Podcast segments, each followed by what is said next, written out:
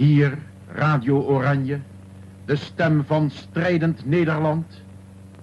Goedenavond, landgenoten, in het vaderland, in Oost en West, op zee of waar ook ter wereld. NH Radio. 100 jaar radio. Zo. Harm Edens en Ja. Arjan Snijders. Dat is Al wat je te zeggen hebt, Harm.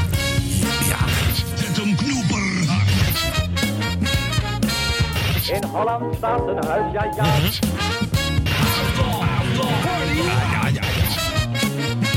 En in deze onverenigbare toestand Oh, wat een verrukkelijke plaats. En het gejuich is opgeklonken voor Jan Jansen. Juist. Joost mag het weten. Zo Harm. Ja, hè hè. Oeh, Het is een beetje een andere week hè, dit het is keer. een andere week. Ja, dus we komen wat minder eh, eh, eh, hyper de studio ingerend. Ja. Want eigenlijk, eh, een podcast is tijdloos. Je kan hem luisteren wanneer je wil. Misschien is het eh, november, whatever. Ik kijk altijd kerstafleveringen in augustus. Ja, en hoe bevalt dat eigenlijk? Heerlijk. Ja. Ja. Ja, hè? Heb je het minder warm? Ik vind het ook wel grappig hoe dat bij eh, Amerikaanse series elk seizoen weer terugkeert. En dan eh, dat je inderdaad op allerlei gekke momenten, omdat je dat op Netflix zit te kijken, er, eraan toe moet geven. En, eh, ja. geldt ook voor deze aflevering. Maar voor de mensen die live luisteren, eh, ja, 4 of 5 mei. Dit is natuurlijk de week om aandacht te besteden aan radio in de oorlog. Want in die 100-jarige geschiedenis hebben wij natuurlijk de Tweede Wereldoorlog gewoon hier op de lens, landsgrenzen meegemaakt. En, eh, Dat heeft, lensgranzen zeggen. Ja, sterker nog, ik zei het al half. Ja, half. Maar door dit eh, opnieuw te memoreren is de nadruk daar nog meer op gelegd. eh. Maar voor excuus. nee, maar dat mag allemaal. Maar het is een serieuze aflevering. Het is een serieuze aflevering. Hoewel, het is ook nog een stukje omroepgeschiedenis wat we eh, langskomen. Want vlak voor de oorlog hadden wij natuurlijk nog een zeer forerend omroepbestel met allemaal zuilen. Ja. Dan gaan we naar één omroep voor het hele Nederlandse volk. En dan, dan is de Tweede Wereldoorlog voorbij. Maar dan gaat de omroepoorlog vrolijk voort. Die barst weer los. Ja, En, nou ja, en daar komen we ook een klein beetje over te spreken. We gaan nog een keer een aflevering maken over de succesvolle gloriejaren 40, jaren 50. eh, waarin de hoogtijdagen van het succes van de radio voortgezet worden. En dan denken we weer met een gast gaan doen, eh, type Jacques Leuters, die daar eh, leuk veel verhalen over meebrengt. Vandaag vertelt het verhaal zich relatief vanzelf. Want de fragmenten eh, die geven een duidelijke indruk van wat je te verwachten eh, kunt hebben. En ik probeer er af en toe wat omheen te duiden. Maar het is eh, toch goed om dat te doen. Ik vind het een mooie aflevering nu al. Want oorlogsradio, dan denk je altijd aan sigarendoosjes in de kelder. Waar mensen met een, met een knijpkat en een zelfgeprutst zendertje nog een Wilhelmina uit de lucht zaten te vissen. Ja. En dat is ongeveer alles wat je ervan weet. Maar dat vond ik wel heel fascinerend. stond in mijn geschiedenisboekjes een Ja. fotootje van eh, Hoe je dat dan die- maakte. Ja, ja, ja. klopt. Ja, en dat je dan inderdaad stiekem zat te luisteren met het gevoel van... ja, als er straks iemand aan de deur klopt... dan moet dit allemaal snel weer opgeborgen worden. Want eh, je weet niet wie er voor de deur staat. Nee. Eh, ja, een soort toch ook wel weer spannend, heroïsch gevoel rondom radio... in een hele on, onplezierige setting natuurlijk. Laten we Nee, en daar de duidelijk over zijn. lifeline naar iets echts. Ja, Heb je deze tijd af en toe ook wel. Alleen je weet niet waar je dan op moet richten. Nou, en eigenlijk eh, het thema fake news komt hier dus ook in langs, want dat was er natuurlijk ook. En wat nu, nu als er nu een oorlog aan de hand zou zijn, dan zou natuurlijk social media, digitaal eh, media, verkeer het ding zijn. En dat was in de Tweede Wereldoorlog overduidelijk de radio waar het eh, op gebeurde. Dus laat je verrassen door een reeks fragmenten uit die periode en hoor waar de radio een hoofdrol in die geschiedvorming heeft gespeeld.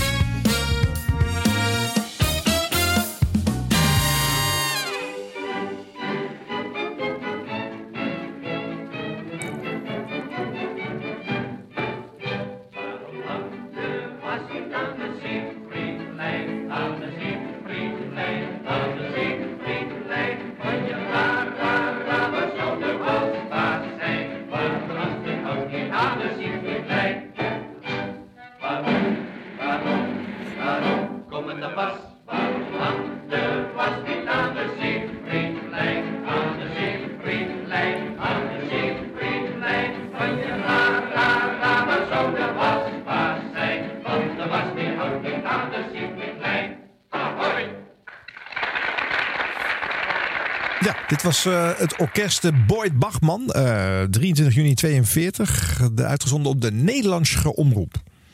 En dat was eh, eh, de door de Duitsers ingestelde variant. eh, die, eh, Maar dat is, ik hoor dat duidelijk de Siegfried-line. ja, Ik denk, wat zou het zijn? ja, Een soort heel, hele leuke Duitse parodie, maar het was dus serieus bedoeld. Ja. Ja. ja. ja.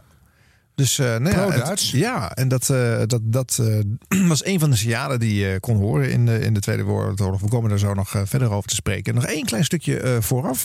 Eh, juist in de jaren voordat eh, wij zelf eh, niet meer neutraal konden blijven, maar ook de bezetter echt over de vloer kregen, dacht het omroepbestel nog te kunnen bouwen aan een grote, succesvolle toekomst. En werden er nieuwe, dure panden in Hilversum ingericht. Zoals bijvoorbeeld in 1938 bij de KRO. Hoogwaardige excellentie, meneer de voorzitter. Het zijn gevoelens van dankbaarheid en van een zekere fierheid die mij heden bezielen, nu ik dit prachtige gebouw met zijn zo perfecte installatie in heb mogen wijden. De radio is een van de machtigste vindigen van de menselijke geest. En onze Nederlandse katholieken hebben de tekenen destijds begrepen toen zij met vereende krachten een eigen radioomroep hebben opgericht. Ja. Zo was het inderdaad begonnen, ja. Dat is eh, in de jaren twintig, als de, de verzuiling eh, het radiolandschap eh, gaat kleuren. De katholieken hebben zich verenigd en richten de katholieke radioomroep op. En in 1988 is men toe aan een nieuw gebouw, een mooi gebouw. Een nu leegstaand eh, verkrot gebouw. Ja, is het helemaal verkrot? Ik weet het niet. Ah, niet helemaal, want er worden deels eh, nieuwe woningen in eh, en eh, verkocht. Blijft wel staan, hè? Dus Ja. mooi met die zaaier op de gevel en prachtig. Maar dat was, nee, die eh, staat op het Avro-gebouw. Nou, daar hangt ook zo'n ding met de KRO. Wat hangt daar dan? ja, dat, wat is dat? Hangt ook iets. Er hangt iets, hè? Ja. Prijs- En ze hebben van die gla- glas ja. in, in, in loten raampjes. En, eh, Maar ze, hadden, ze hebben de boel daar behoorlijk laten verpieteren aan de binnenkant. Dus er zijn wel mooie stukjes van het gebouw eh, verdwenen. Ja. Ehm, en toen dit gebouw klaar was, dacht eh, de Nederlandse Christelijke Radiovereniging... nu moeten wij ook eh, nog een groter, mooier, nieuwer gebouw. Hallo, hallo. Hier is de NCRV-reportagedienst van 26 meter hoogte boven Hilversum. Dames en heren, schrikt u maar niet. Er is niets los. Integendeel, we wilden u te midden van alle nare berichten die we de laatste tijd hebben moeten uitzenden... even laten meeleven met een echt vredeswerk. En we konden daarvoor in eigen huis blijven, want dit werk is de bouw van onze nieuwe studio in het Susanna-park... in de onmiddellijke nabijheid van onze hulpstudio. Het wonder, ja, want dat is het toch eigenlijk, heeft zich voltrokken terwijl we op 15 mei aan u konden vertellen hoe de eerste steen werd gelegd. Een eerste steen die in het geheel de eerste steen niet was. Zijn we nu al aangeland bij het leggen van de laatste steen. Die ook de laatste wel niet zal zijn. Maar in elk geval, dit staat vast. Vandaag, op 12 september 1939, is het hoogste punt van onze studiobouw bereikt. Het huis staat onder de kap. En naar oud vaderlandse traditie zal nu straks op last van en in tegenwoordigheid van de bouwheren, hier vertegenwoordigd door onze voorzitter, meester A. van der Deuren, de vlag in de hoogste spanning worden gehesen. Ja, Wat zijn het een prachtige, mooie volzinnen. hele Even mooie goed, zinnen met mooie woorden. Ja. En je ziet het voor je, hè? Is, Ja. is dat Schuttersweg eh, in de Ja. buurt? Ja. Ja. Met dat torentje. Dat moet dat op dat Ja. torentje geweest zijn. Ja. En daar is de bliksem ooit ingeslagen in de jaren negentig. Weg was het torentje. Ja. En nu staat er weer een ander dingetje op. Maar niet Ja. zo mooi als het was. Nee. Maar wel, een, wel een mooi iconisch gebouw. eh, en Wat je ook heel vaak, ook die omroepgidsen van, die, eh, van al die verschillende omroepen hadden ook vaak een, een foto of een tekening van hun gebouw. Dat was echt het vieren, Het logootje van de- ja, ding van, ja. van wat ze bereikt hadden. Namelijk eh, door de, de leden bijeengebracht natuurlijk. Hè? Want, eh, ja, die hebben dat allemaal eh, dat geld opgebracht. En eh, er werden dure kastelen voor eh, ingericht in Hilversum. En zeg. mooie architectuur. En van binnen mooie tegelgangen. En prachtige deuren. Mooie trappartijen. En hoor je wat een tempo erin zat? In mei de eerste steen. En dan staat het, wat was het? September, oktober staan ze al eh, het. eh, Goed luisteren. wat dan? Wat niet per se de eerste steen was. Er stond al een half gebouw. En de laatste steen. Niet, ja, ze hebben doorgebouwd tot 1955 waarschijnlijk. Maar Ja, dat, dat zou natuurlijk kunnen. Maar toch had ik hier even het gevoel dat er eh, eh, sneller gewerkt werd dan nu. dat de Eh, piramides. Ja, het is ongelooflijk snel. Maar goed, Ja, dat was een half jaar tijd. Je weet het niet. Het is illusie. Radio, je weet het niet. Je was er niet bij. Maar goed, dit is dus najaar 39. eh, met de volle verwachting. Overigens tussen de nare berichten. Hè, want die zijn er inderdaad Ja, dat in noemt die hij tijd. expliciet. Hè? Een en al ellende in het buitenland. En je hoopt dan nog zo van het blijft buiten ons. Wij gaan dat niet, we blijven neutraal. Ja. Ja. Nou, dat was natuurlijk ook de hoop en de verwachting eh, eigenlijk ook wel bij veel mensen. Maar goed, eh, men kon de ogen niet sluiten voor wat er verder gebeurde in Europa. Maar eh, nou ja, er werd gewoon vrolijk voortgebouwd aan, de, aan dat omroepbestel. toekomst. Ja, Ja. Maar dan wordt het 1940 natuurlijk. En dan is die Duitse inval toch daar. Hier volgen nieuwsberichten van het ANP. Proclamatie van Hare Majesteit de Koningin. Mijn volk, nadat ons land met angstvallige nauwgezetheid al deze maanden een stipte neutraliteit had in acht genomen en terwijl het geen ander voornemen had dan deze houding streng en consequent vol te houden, is in de afgelopen nacht door de Duitse Weermacht zonder de minste waarschuwing een plotselinge aanval op ons gebied gedaan. Ik richt hierbij een vlammend protest tegen deze voorbeeldenloze schending van de goede trouw en aantasting van wat tussen beschaafde staten behoorlijk is. Ja. Eén dag na de inval. Ja. Ja. En dan lijkt het misschien nog nou ja, mee te vallen of zo. Nou, dat was ook wel het gevoel hè, voor eh, best veel mensen in het land. Die eh, de eerste maanden allemaal dachten, nou eh, prima hoor, laat ze maar komen. Ze nemen ook wel leukere, lekkere dingen mee, klussen en weet ik allemaal wat. Ja.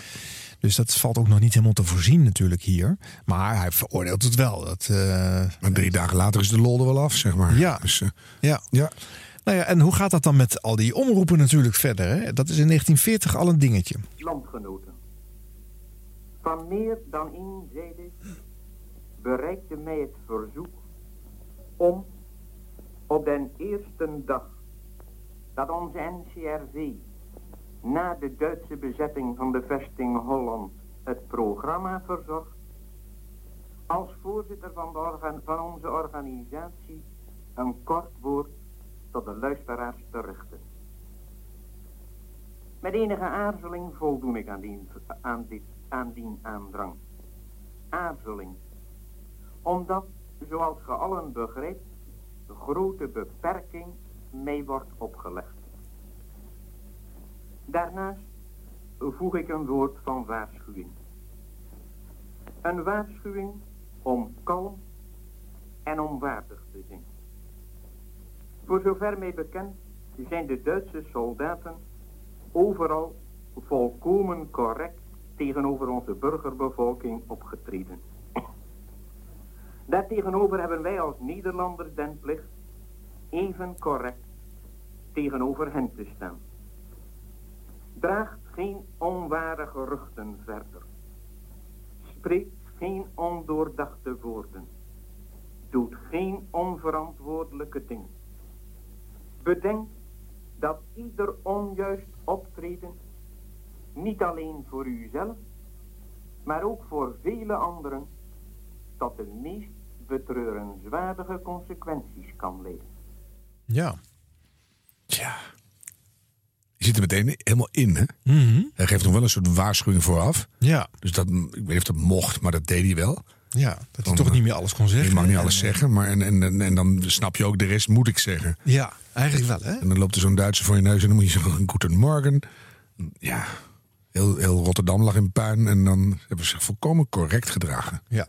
Ik krijg al een soort boosheid als ik er Ja, denk, en oh, het, ja, en het is ook nog wel een beetje zo dat diverse omroepen dachten: eh, dat gaan we gewoon maar doen, want dan kunnen we blijven bestaan. Eh, we kennen natuurlijk allemaal wel de verhalen van eh, Willem Vochten, de voorzitter van de AVRO, die daar, eh, eh, nou, de Duitsers waren nog niet binnen of hij eh, ontsloeg al eh, alle Joodse medewerkers, eh, eh, terwijl dat nog helemaal niet hoefde.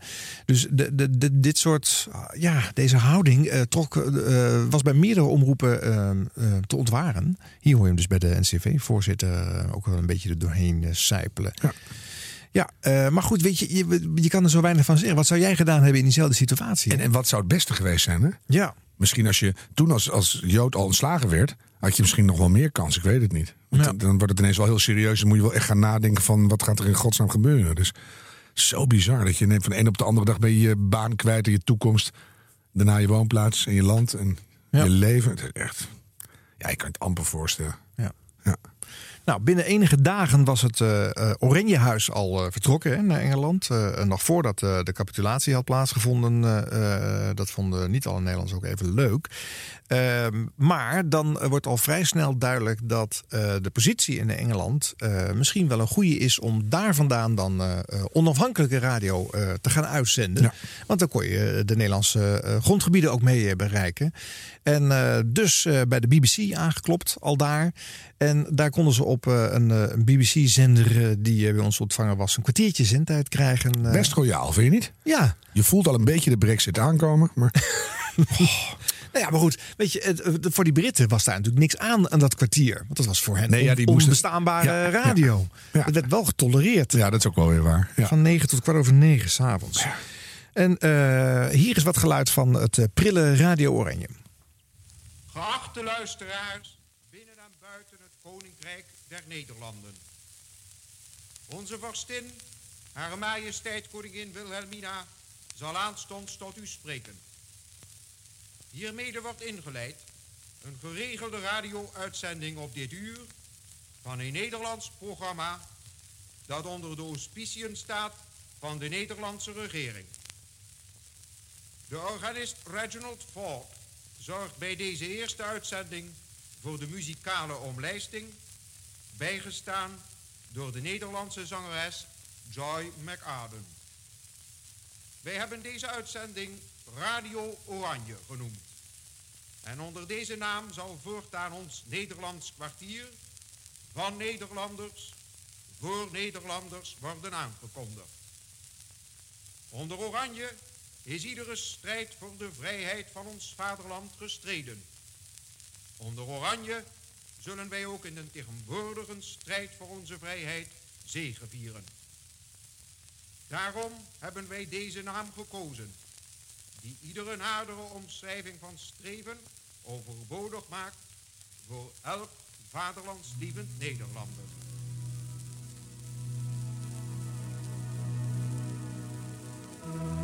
Was je eigenlijk net zo verbaasd als ik dat hij meteen al muziek aankondigt? Alsof het gewoon een regulier radioprogramma Ja. is. Ja, en of het ertoe doet op dat moment. Ja. ja. Wil je niet gewoon horen wat er in godsnaam is gebeurd? Wat is er aan de hand in de wereld? Ja. Ja. Maar wel mooi dat hij uitlegt waar de naam vandaan komt.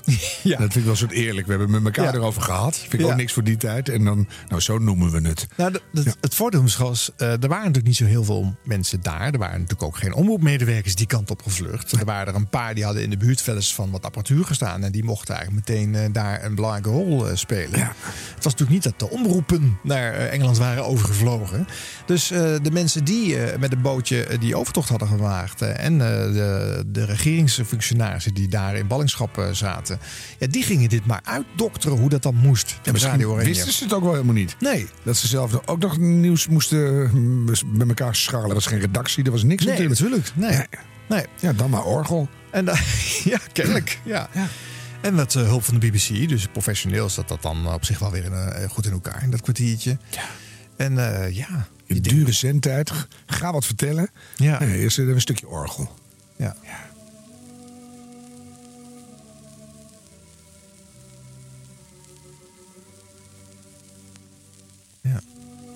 Het klinkt overigens veel mooier dan de mensen het ooit gehoord hebben. Hè? Want dit is op, een, eh, op een, eh, zo'n plaat vastgelegd. Eh, daarmee hebben wij dit geluid. En klinkt het nog eh, redelijk eh, ongeschonden, Ja, zeg maar. klinkt goed. Dit moet over korte golf, lange golf. Bij mensen thuisgekomen zijn met uh, gepieper, gekraak. En eh, ze moeten het ook begrepen en geweten hebben. Wat natuurlijk aan het begin nog niet duidelijk was. Dit moest met mond-tot-mond reclame eh, bekend worden. Want we Dat hebben weer een kwartiertje radio. BBC Ja. eh, Ja. moet je aanzetten. Ja. Eh, BBC European Service. eh, daar werd het dan op uitgezonden. Nou ja, en dan uh, de, uh, dit is uh, mede bekend omdat Wilhelmina daar menige toespraak heeft Ja. gehouden hè, op Ja. de zender. Zwaarder. Werd dat nou live gespeeld daar? Of komt dit... ik denk het wel eigenlijk, hè? Ja, als een or- organist echt genoemd wordt, dan denk ik het wel, ja. Ja. En ik denk dat die faciliteiten er gewoon waren bij de BBC. Dus. Nou ja, in de grote zaal wel, ja. Ik ben er wel eens geweest. Heel groot orgel. Oh ja? Is dat er nog steeds? Zo'n echt mooi oude... Ja, oh, dat hou, daar hou ik van. We hebben er ook eentje nog, hè, in Hilversum. Tuschinski. Ja, ja, dat is ook prachtig. En veel live muziek, hè? dat was in de jaren 30. Stil eens, stil eens. Op de achtergrond hoor je Wilhelmina aankomen lopen. Geachte luisteraars, Hare Majesteit de Koningin.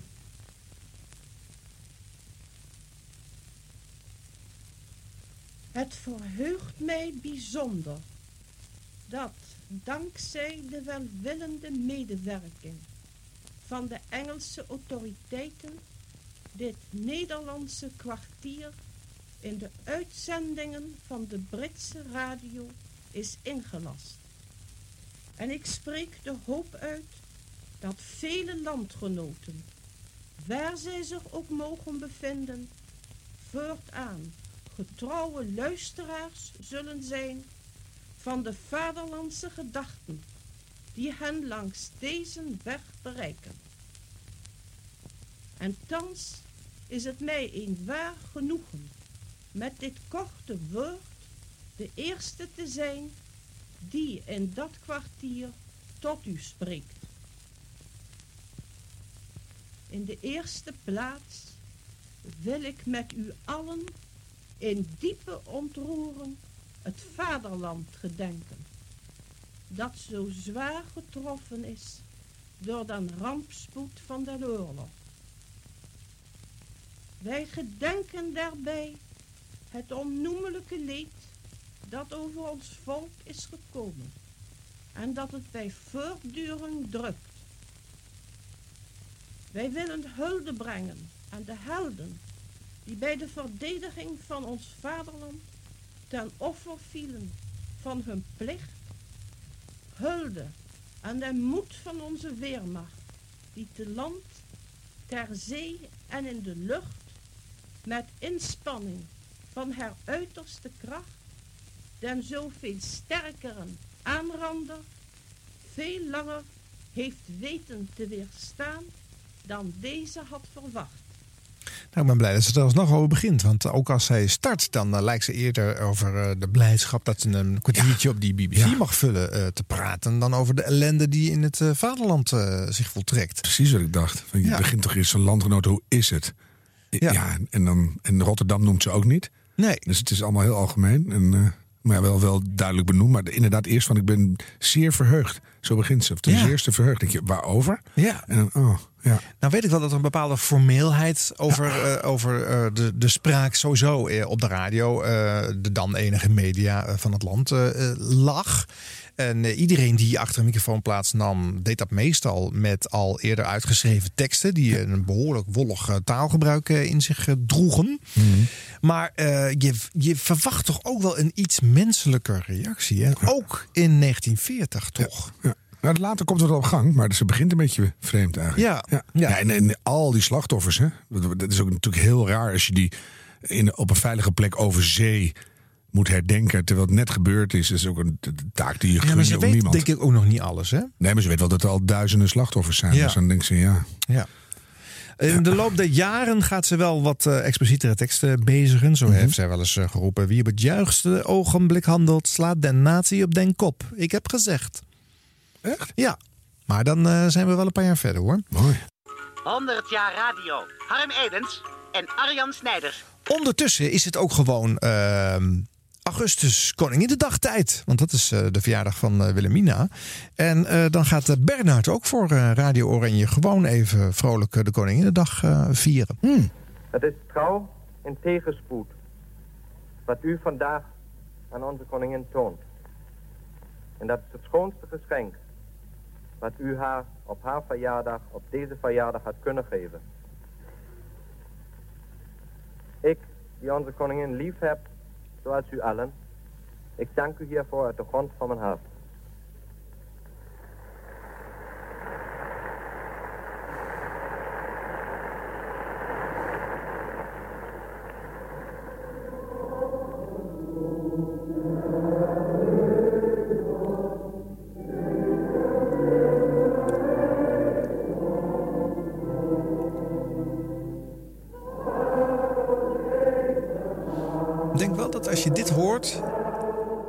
Dan wel met weemoed daarnaar luistert. Hè? Als je in Nederland eh, eh, de Oranjes eh, hun feest hoort vieren aan de andere kant van de plas, waar ze dat natuurlijk normaal gewoon in Nederland hadden gedaan. Ja. Ja.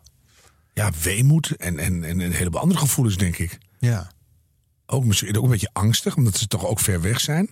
En terecht ook vertrouwen, omdat ze überhaupt er nog zijn. Ja, en gewoon doorgaan ermee. Ja. Of zou je ook boos zijn van, jullie zitten een beetje feest te vieren, maar wij hebben hier... eh, Ja, misschien, dat weet ik niet of je daar aan Ja. toe komt. Misschien, misschien ook een beetje. Ja.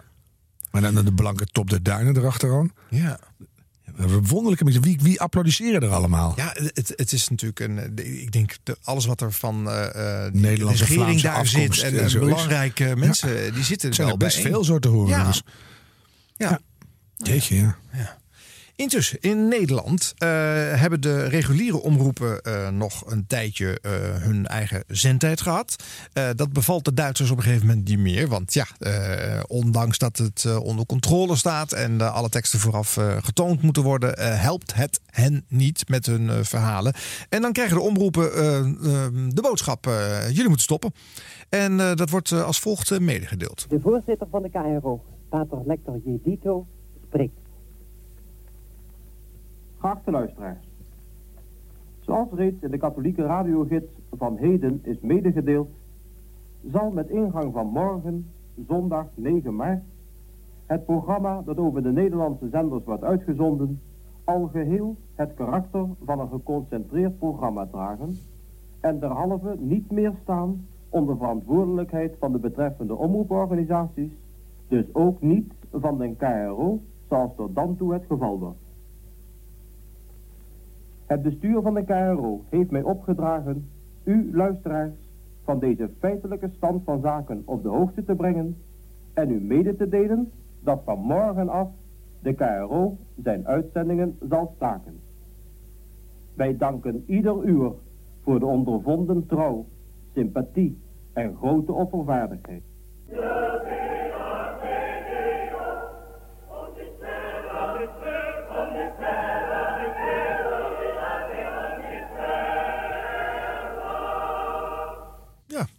En zo eh, moeten de omroepen gewoon eh, op gaan houden. Ze krijgen het opgelegd. eh, Zo feitelijk, hè? Ja. Hier, er staat natuurlijk iemand achter je met een, een Duitse blaffer. Ja. Dus je, je kan niks. Dat maar, denk je, ja, in ieder ja, geval. Maar dit is, dit is zo emotieloos. Ja. Dat die man die moet doodongelukkig zijn. Ja, maart 41. Al die grote omroepen met hun nieuwe gebouwen, die kunnen naar huis. Het is klaar. Het is over. En wie ging dan uiteindelijk die uitzending verzorgen?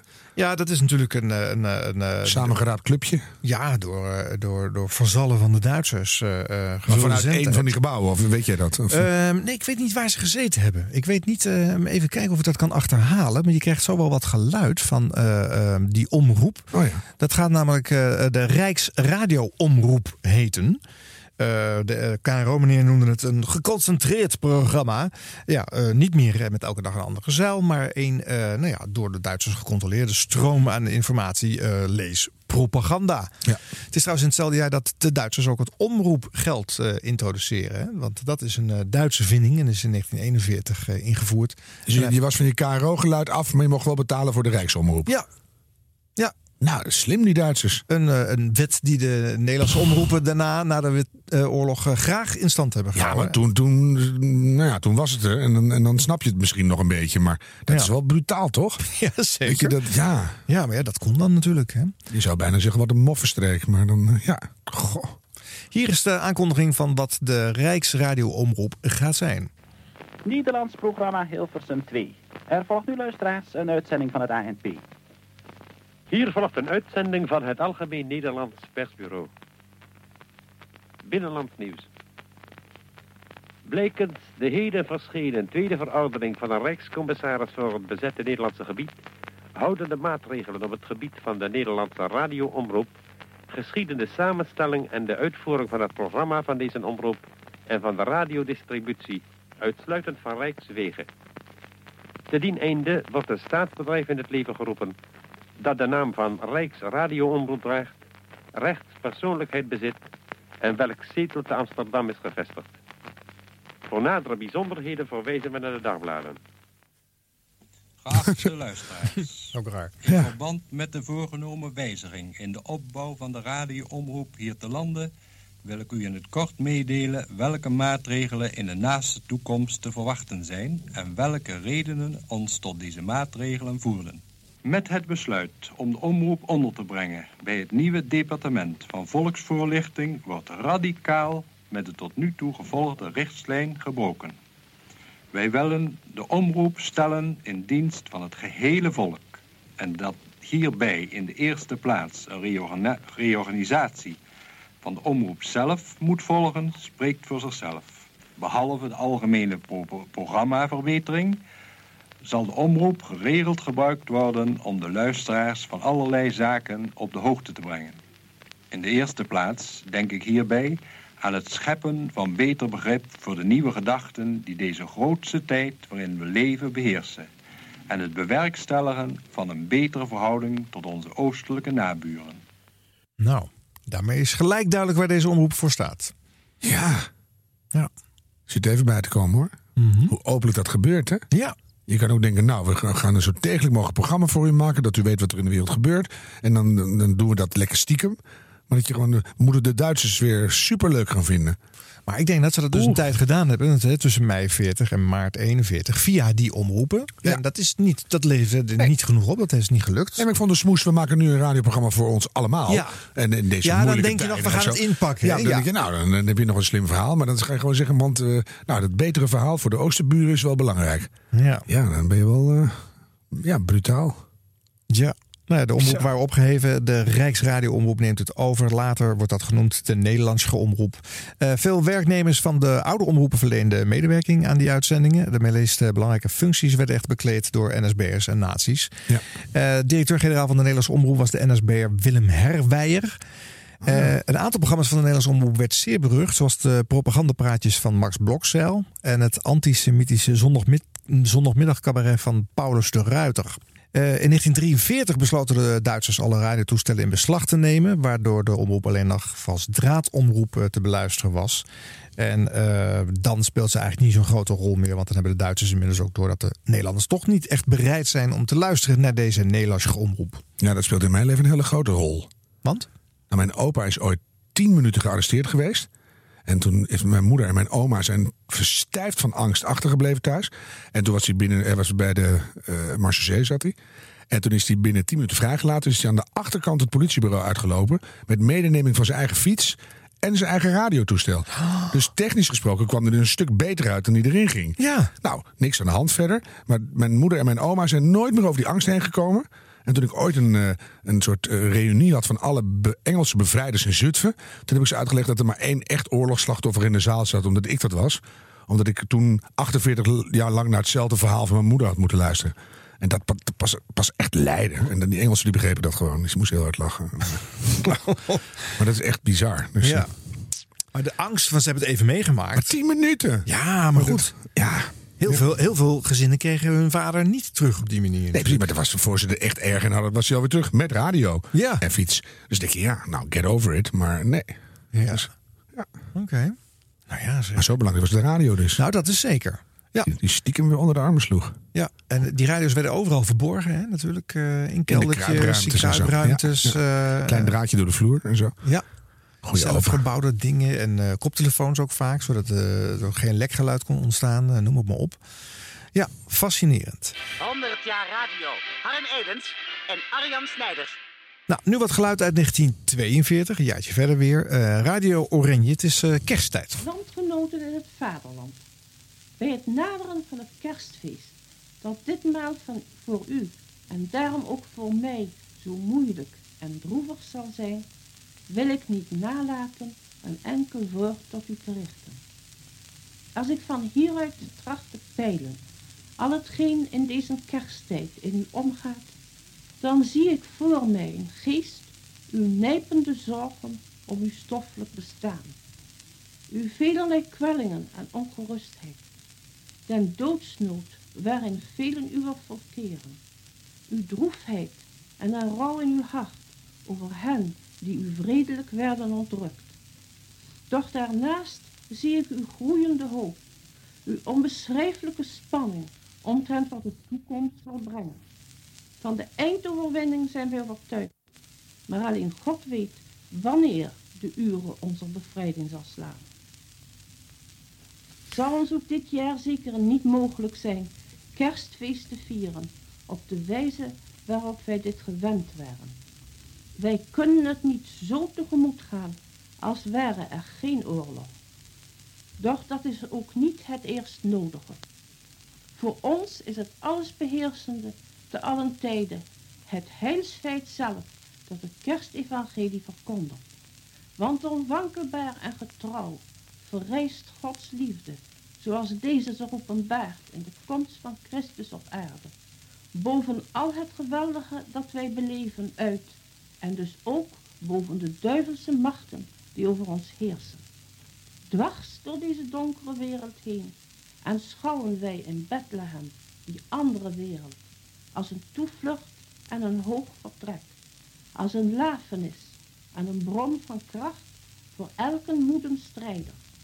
Van strijders zijn wij thans allen, mannen, vrouwen en kinderen. Ja, ik denk dat zij in deze periode eh, vaker met religieuze verhalen komt dan zij uh, ervoor en ook na de oorlog uh, deed. Want Mhm. het biedt natuurlijk gewoon troost aan een, aan een grote, ja, grote gemeenschap in het land. Daar is het eigenlijk ooit voor bedacht. Natuurlijk. Zou je kunnen zeggen. Ja. Ja, ja, ja. Duiding van wat je niet kan begrijpen en troost in, in bange dagen. Ja. ja en dat levert zij hier dus.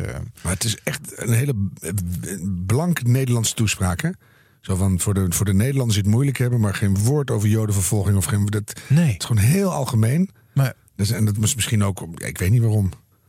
Maar nou, de, de, om, het, de, om het niet nog treuriger te maken. Of uh, ook niet van, uh, hè, uh, help er eens één of zo, zou je kunnen zeggen. Nee. Maar als iedereen nou één iemand helpt, dan is het misschien makkelijker of zo. Maar nee.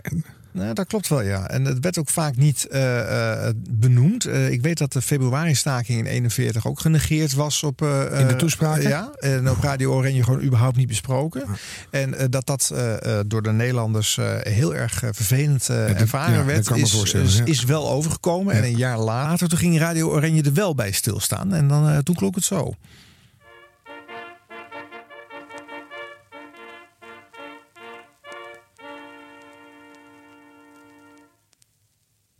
Radio Oranje. Vandaag, laatste februaridag van 1942, aan den vooravond van den zondag, waarop uit de harten en monden van het Nederlandse volk de gebeden zullen opstijgen ter bescherming van ons heldhaftig strijdend Indië. Vandaag herdenken alle Nederlanders, trots en dankbaar, die grootse eenheidsdemonstratie van het geknechte Nederlandse volk. Die machtige uiting van sympathie voor de verdrukten onder de verdrukten, onze Joodse medeburgers. Die spontane uitbarsting van solidariteit en broederschap, de februari-opstand van 1941.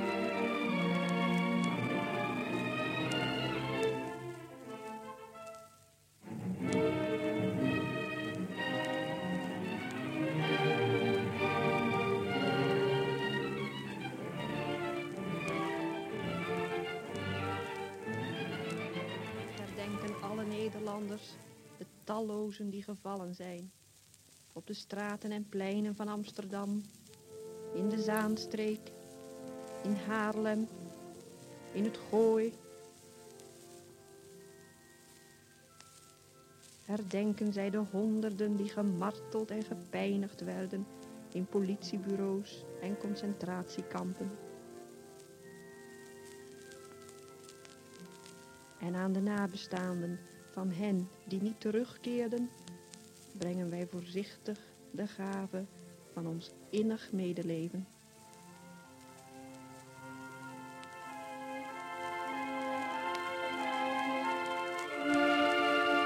Ik ga nu even spoelen. Uw belofte. Zit hier. Luistert, mannen uit de havens en uit de werkplaatsen. Conducteurs, machinisten, sjouwers. Nou, dit is geen Louis Jong, dus ik ga nog even spoelen. Ja. In op tegen de Dat is al een stuk shout-out. Echt, uh, ja, weet je. Omdat van vroeg tot laat. Ja, om de Joden te helpen. Daarom zijn we in opstand gekomen. En om de Duitsers te tonen wat we van ze dachten.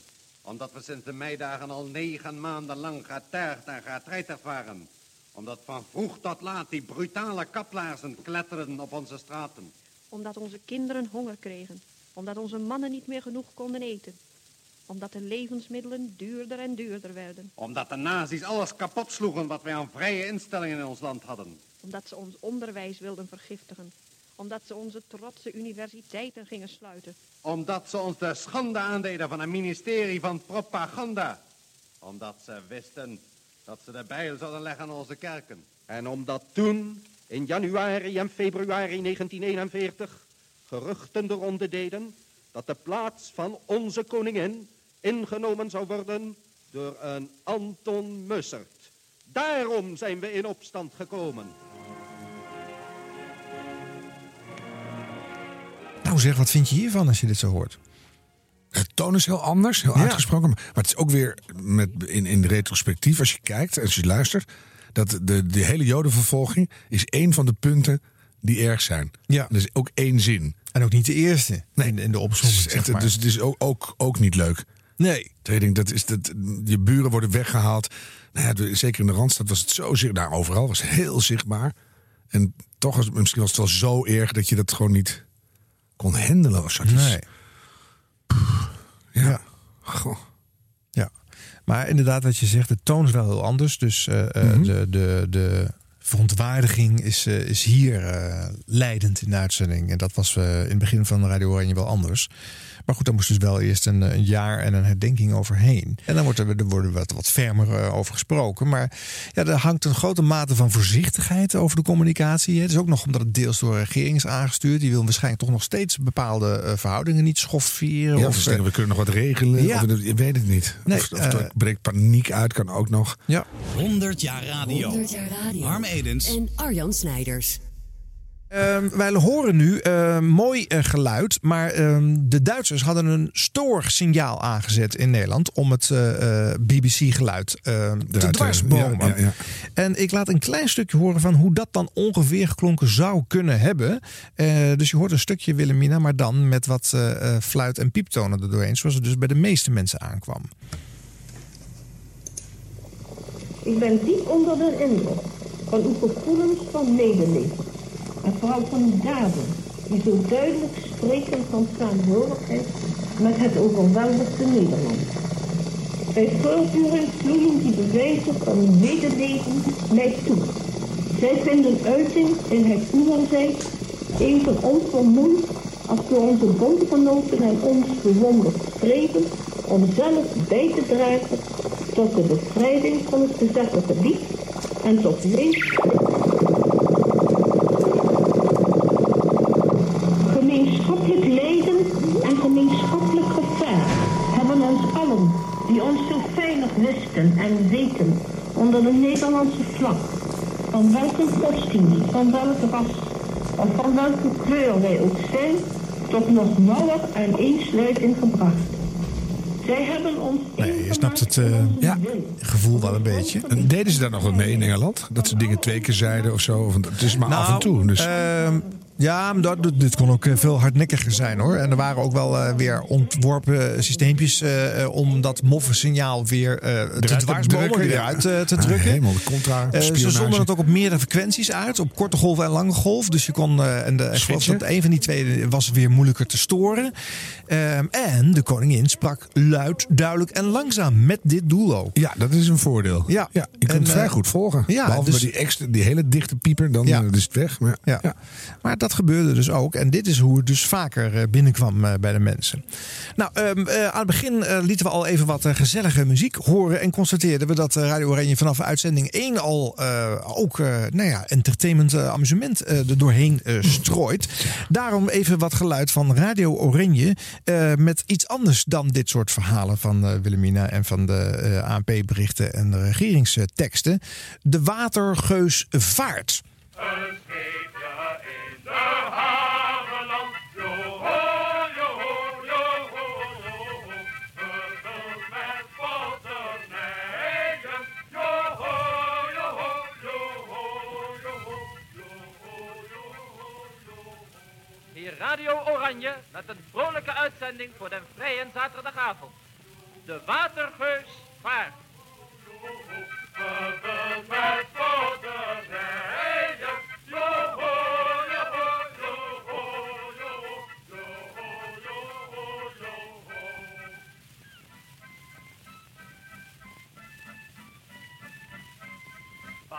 varen, varen over de varen, varen, varen over de zee.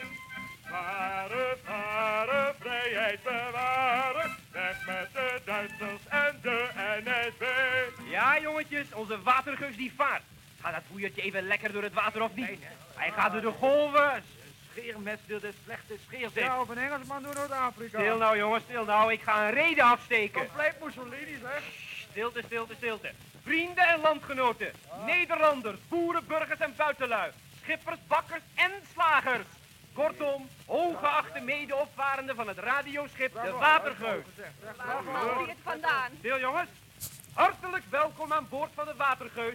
Het schip van de vrijheid, het schip van de blijheid. Het schip dat vaart voor de Hollandse wind. Ja, jongens. Want benzine voor de motor hebben we niet meer. Nee, dat is waar. Zeg, eh, Pieterman, jongen, trek jij die fokker eens aan. Dan Ja, gaan we direct door de wind.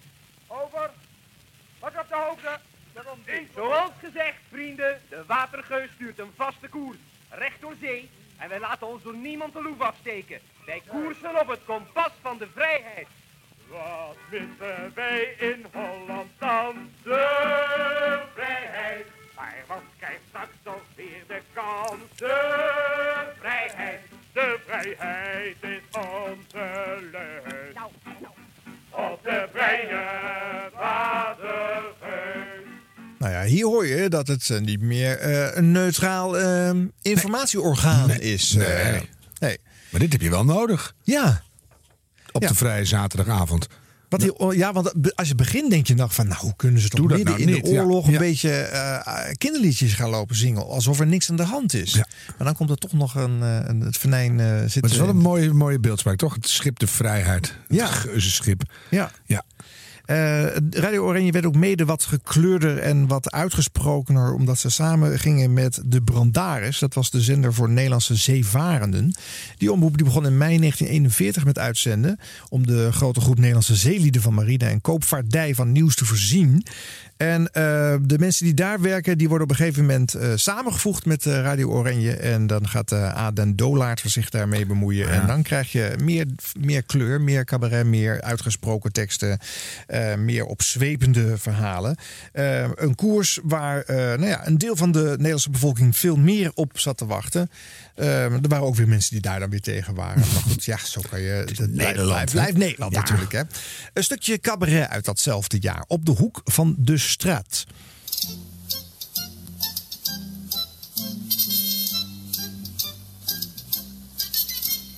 Op de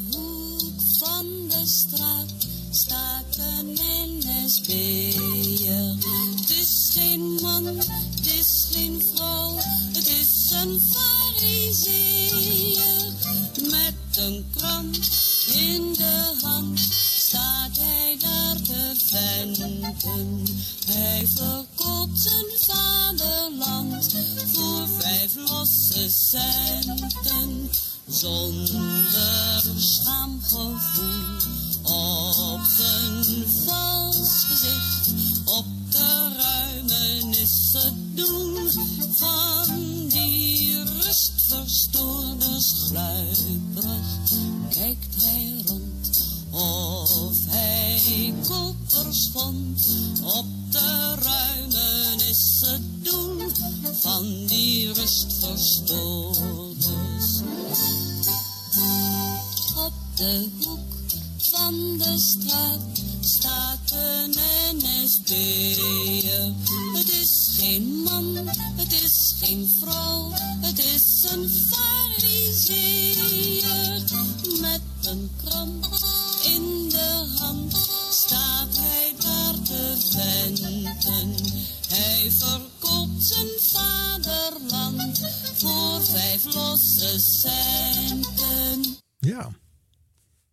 Vind je daarvan? Ja, dat helpt. Ja. A, kan je dat zelfs stiekem neurien als je door de straat loopt. En er staat er een. Ja. En die kent het niet, maar dan is het toch leuk. Ja. En je, je hebt een uitlaatklep nodig. En da- daar is cabaret voor. Ja. Oh, dat is veel beter, ja. Jetty Pearl eh, zingt eh, veel van deze spotliedjes eh, voor Radio Oranje. En zij vertelde een keertje in een documentaire die ik gezien heb over deze periode. Dat er waren natuurlijk af en toe nog Hollanders die met een bootje de oversteek waarden. En dan in Londen aankwamen en haar tegen het lijf liepen. En eerst niet wisten wie ze was en wat ze deed. En, en tot ze vertelde wat ze deed. En nou, toen konden zij die liedjes gewoon in één keer meezingen. Terwijl zij had ze maar één keer van een papiertje voor de microfoon gezongen en was eh, kwijt in het uitsysteem. Maar die Nederlanders hadden dat opgezogen en in zich ja, gelijk, denk ik, daarna. ook niet opgenomen toch? Dus nee, gewoon- nee, dat kan niet. Nee, er was nog helemaal niks op. Meeschrijven of, of Ja. allemaal onthouden en dan samen eh, het heel snel opnieuw zingen na die uitzending en zo proberen te onthouden. Hè? Ja, geweldig. Ja, dat is toch wel bijzonder. Hè? Nou, misschien wel mooi om nog een eh, jetje van Radio Oranje te laten horen dan. Weer een spotliedje over een NSB'er. Er was een NSB'er, erg zijn humeur. Er stond een vette vee geschilderd op zijn deur. Hij nam een glazen spuit, veegde de letter uit. Hij ploeterde voor tien, tot er niets meer was te zien. Maar die vee kwam weer en die liet niet op zich wachten. En die vee kwam weer de volgende dag. De geloof me het is waar. De volgende dag was die vee weer daar. Toen viel die NSB'er van de schrik haast flauw. Hij ging die vee te lijf, dus samen met zijn vrouw.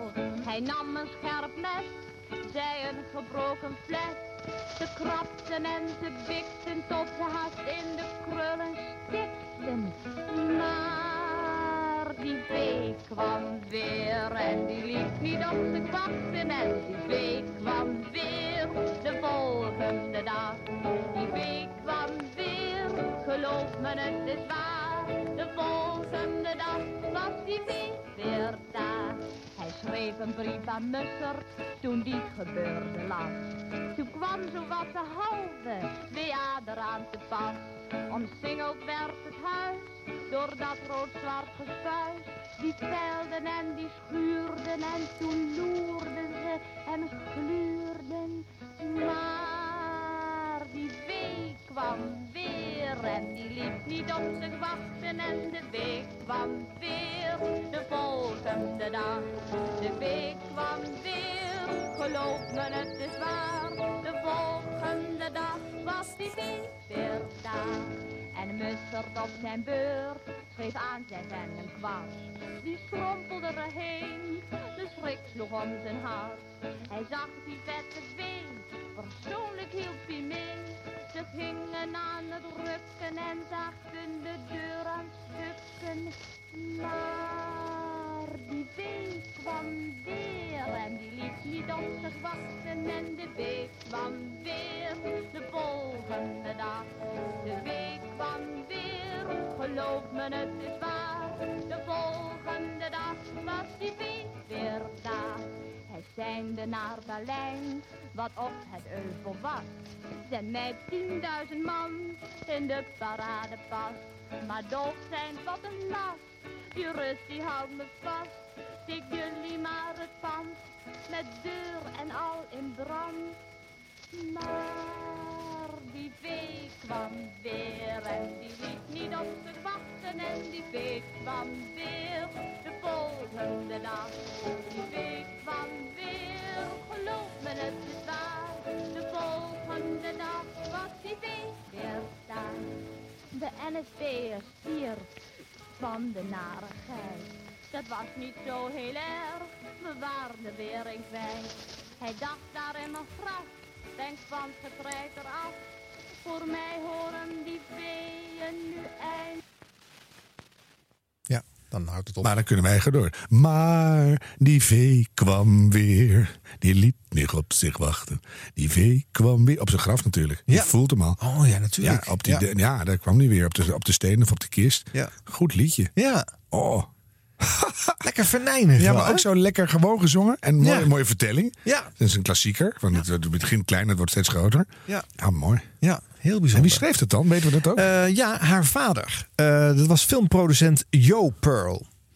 Hij schreef het, zij zong het. Pearl. Ja. Ja. Jo, de, de Nederlandse naam Jo, J.O.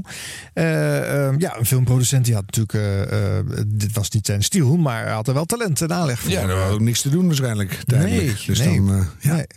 Ehm, toen de bezetting harder en grimmiger werd, is de regering het cabaretprogramma weer gaan schrappen op Radio Oranje. Maar Toen in, past het eigenlijk niet meer. Nee, dat- de dat- hongerwinter ja. ga je niet nog een leuk... Nee. Ja, dat snap ik wel. En dan laat ik nu nog heel even iets horen van wat er dan volgens de Duitsers uitgezonden moest worden. Want die hadden tenslotte ook cabaret bedacht. Paulus Potter op de Nederlandse omroep. En dat klonk in 1942 zo. En dit, dames en heren, was weer het einde van het zondagmiddagcabaret van Paulus de Ruiter. We nemen weer afscheid van u tot de volgende week met de Siegfriedlijn.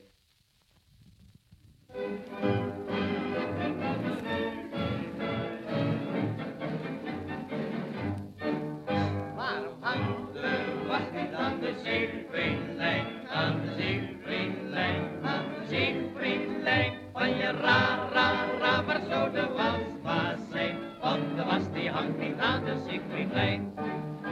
Waarom, waarom, waarom komt het de was? De was niet aan de Siegfriedlijn, aan de Siegfriedlijn, aan de Siegfriedlijn? Van je ra, ra, ra, waar zou de wasbaas zijn? Want de was die hangt niet aan de Siegfriedlijn. Ahoi! Nou, waren toch nog vier mensen die het leuk vonden, zo te horen. Ja, er waren natuurlijk genoeg eh, meelopers. eh, Ja, niet zo heel een beetje een dun applaus. Nee, dat is waar. Ja. Maar ik weet- weet jij in wat een is? Geen idee. Nee. Nee. Maar ik denk dat het ook niet echt eh, wezenlijk ergens over dienen te gaan natuurlijk. Het moest gewoon vooral niet gaan over de onderwerpen die ze bij Radio Oranje... Moest in ieder geval Duits klinken. Ja, ja dat denk ik. Waslijn hebben ze vertaald voor Ja, Siegfriedlijn. Dat denk ik inderdaad, ja. ja. Ja. Nou ja, eh, wat we net al zeiden, de, eh, de situatie wordt grimmiger en dan wordt het cabaret van Radio Oranje weggehaald. En dan wordt het ook steeds meer gebruikt voor eh, boodschappen voor het vaderland. In code natuurlijk, want ja. ja Dat ja, verwacht je ja. eigenlijk ook, hè? Ja. Ja, ja. en dat klonk zo. Hier zijn nu twee bijzondere berichten. Het eerste bericht is van Bob voor Jan. Alles is in orde. Ik kom zo spoedig mogelijk. Ik herhaal een bericht van Bob voor Jan. Alles is in orde. Ik kom zo spoedig mogelijk. Het tweede bericht luidt. Wat vangt de jager? En nu hoort u het wekelijks overzicht van onze militaire medewerkers. Ja.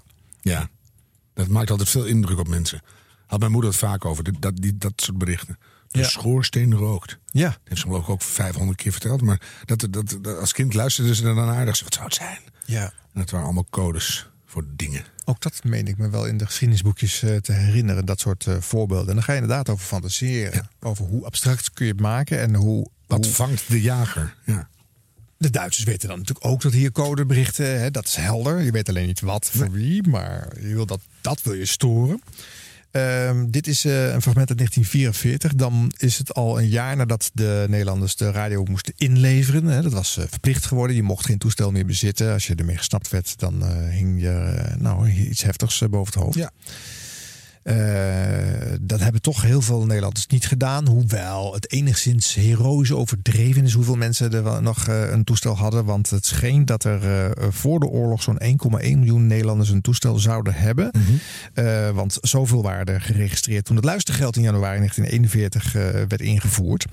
En ruim 700.000 toestellen werden ingeleverd. Dus dan heb je er ook niet zo heel veel over natuurlijk. Nou ja, 400.000. Ja, dat is waar. Maar mond-tot-mond eh, reclame eh, eh, van de daar gehoorde verhalen werd steeds belangrijker. De mensen bouwden er ook wel weer wat bij hoor. Want dat kon je thuis wel in elkaar zetten. Ja. ja. En mensen kropen bij elkaar in de huizen om naar één toestel te luisteren. als je dat aan je buren durfde te vertellen dat je er eentje had. Ja, dan heb je dat weer. Ja, ja dat blijft natuurlijk... Maar de vee kwam terug. Me. Precies. Eh, ik heb nog een fragment uit 1944. Even kijken hoe lang het eh, eh, boeiend blijft. En anders dan gaan we er wel weer overheen. Mhm. Of waar ook ter wereld. Hier zijn allereerst vier bijzondere berichten. Ten eerste. Bericht van Bob voor Jan. Blijf op de plaats waar je bent. Ik herhaal. Van Bob voor Jan. Blijf op de plaats waar je bent. Ten tweede, de kachel brandt haast nooit. Ten derde, de jager vangt een haas.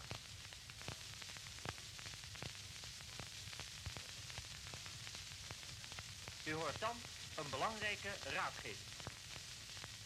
Dit is een raadgeving in verband met de luchtaanvallen van de RAF op hoofdkwartieren van de Duitse Weermacht en Sicherheidsdienst in Nederland.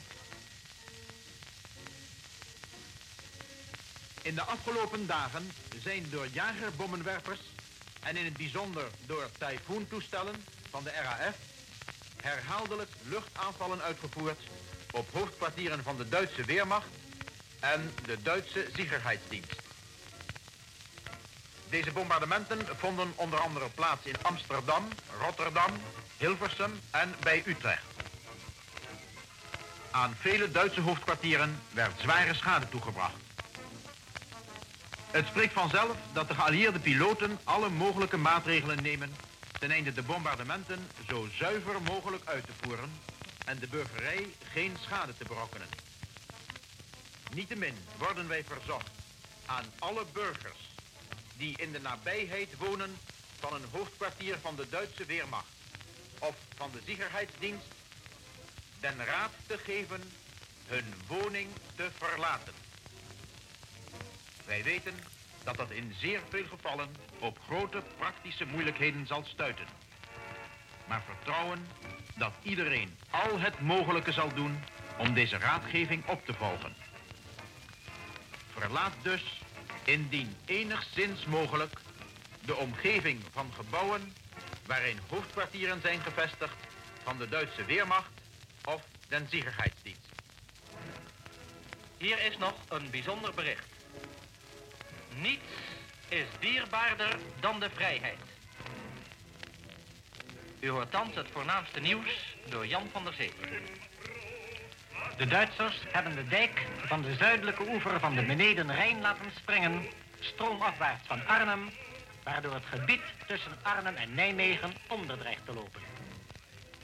Het brughoofd bij Wansum, ten oosten van Venray, is door de Duitsers ontruimd. Blerik, de voorstad van Venlo op de westelijke oever van de Maas, is in handen der Britten. In Saint-Louis, waar de Amerikanen zich meester maakten van de verkeersbrug over de Saar, worden hevige straatgevechten geleverd. In de Midden-Elzas is de belangrijke stad Célestat thans geheel en al en stevig in handen van het zevende leger dat hier oprukte vanuit het westen uit de Vogezen. De vooruitgeschoven tankdivisies van Maarschalk tot Boeking, die het meer van Balaton hebben bereikt, zijn niet meer dan 100 kilometer verwijderd van de Oostenrijkse grens. In Italië naderen de geallieerden op een rechtervleugel steeds meer de stad Russi, halfweg Faenza en Ravenna. Er is algemene staking in Athene. De Britse bevelhebber heeft den troepen van de verzetsbeweging Elas verboden zich te bevinden in Athene, op de haven van Athene, de Piraeus. In geval van overtreding van dit verbod zullen zij beschouwd worden als vijanden. Uit Chungking wordt bericht dat TV Soong is benoemd tot voorzitter van de ministerraad ter vervanging van maarschalk Chiang Kai-shek, die zich geheel en al aan de strijd tegen de Japanners wil wijden. Tot zover het voornaamste nieuws. Aan twee sectoren van het westelijk front, luisteraars, hebben de geallieerden in de afgelopen 48 uur belangrijke successen bereikt. Te weten in Saarlouteren of Saarlouis en tegenover Venlo. We hebben in de middaguitzending al verhaald hoe in Saarlouteren een belangrijke brug over de rivier de Saar onbeschadigd in Amerikaanse handen viel. Sindsdien zijn over deze verrassende aanval nieuwe bijzonderheden binnengekomen die het volgende beeld geven. Nou ja, enzovoort en zo verder natuurlijk. Hier zit je natuurlijk eh, heel gespannen naar te luisteren. Hè, als je in Nederland dit mag nu nog steeds mateloos. Ja. Ja. ja. Dat is echt ook eh, hoopvol nieuws van dat het komt dichterbij. We worden Ja. bevrijd. Ja. Ja.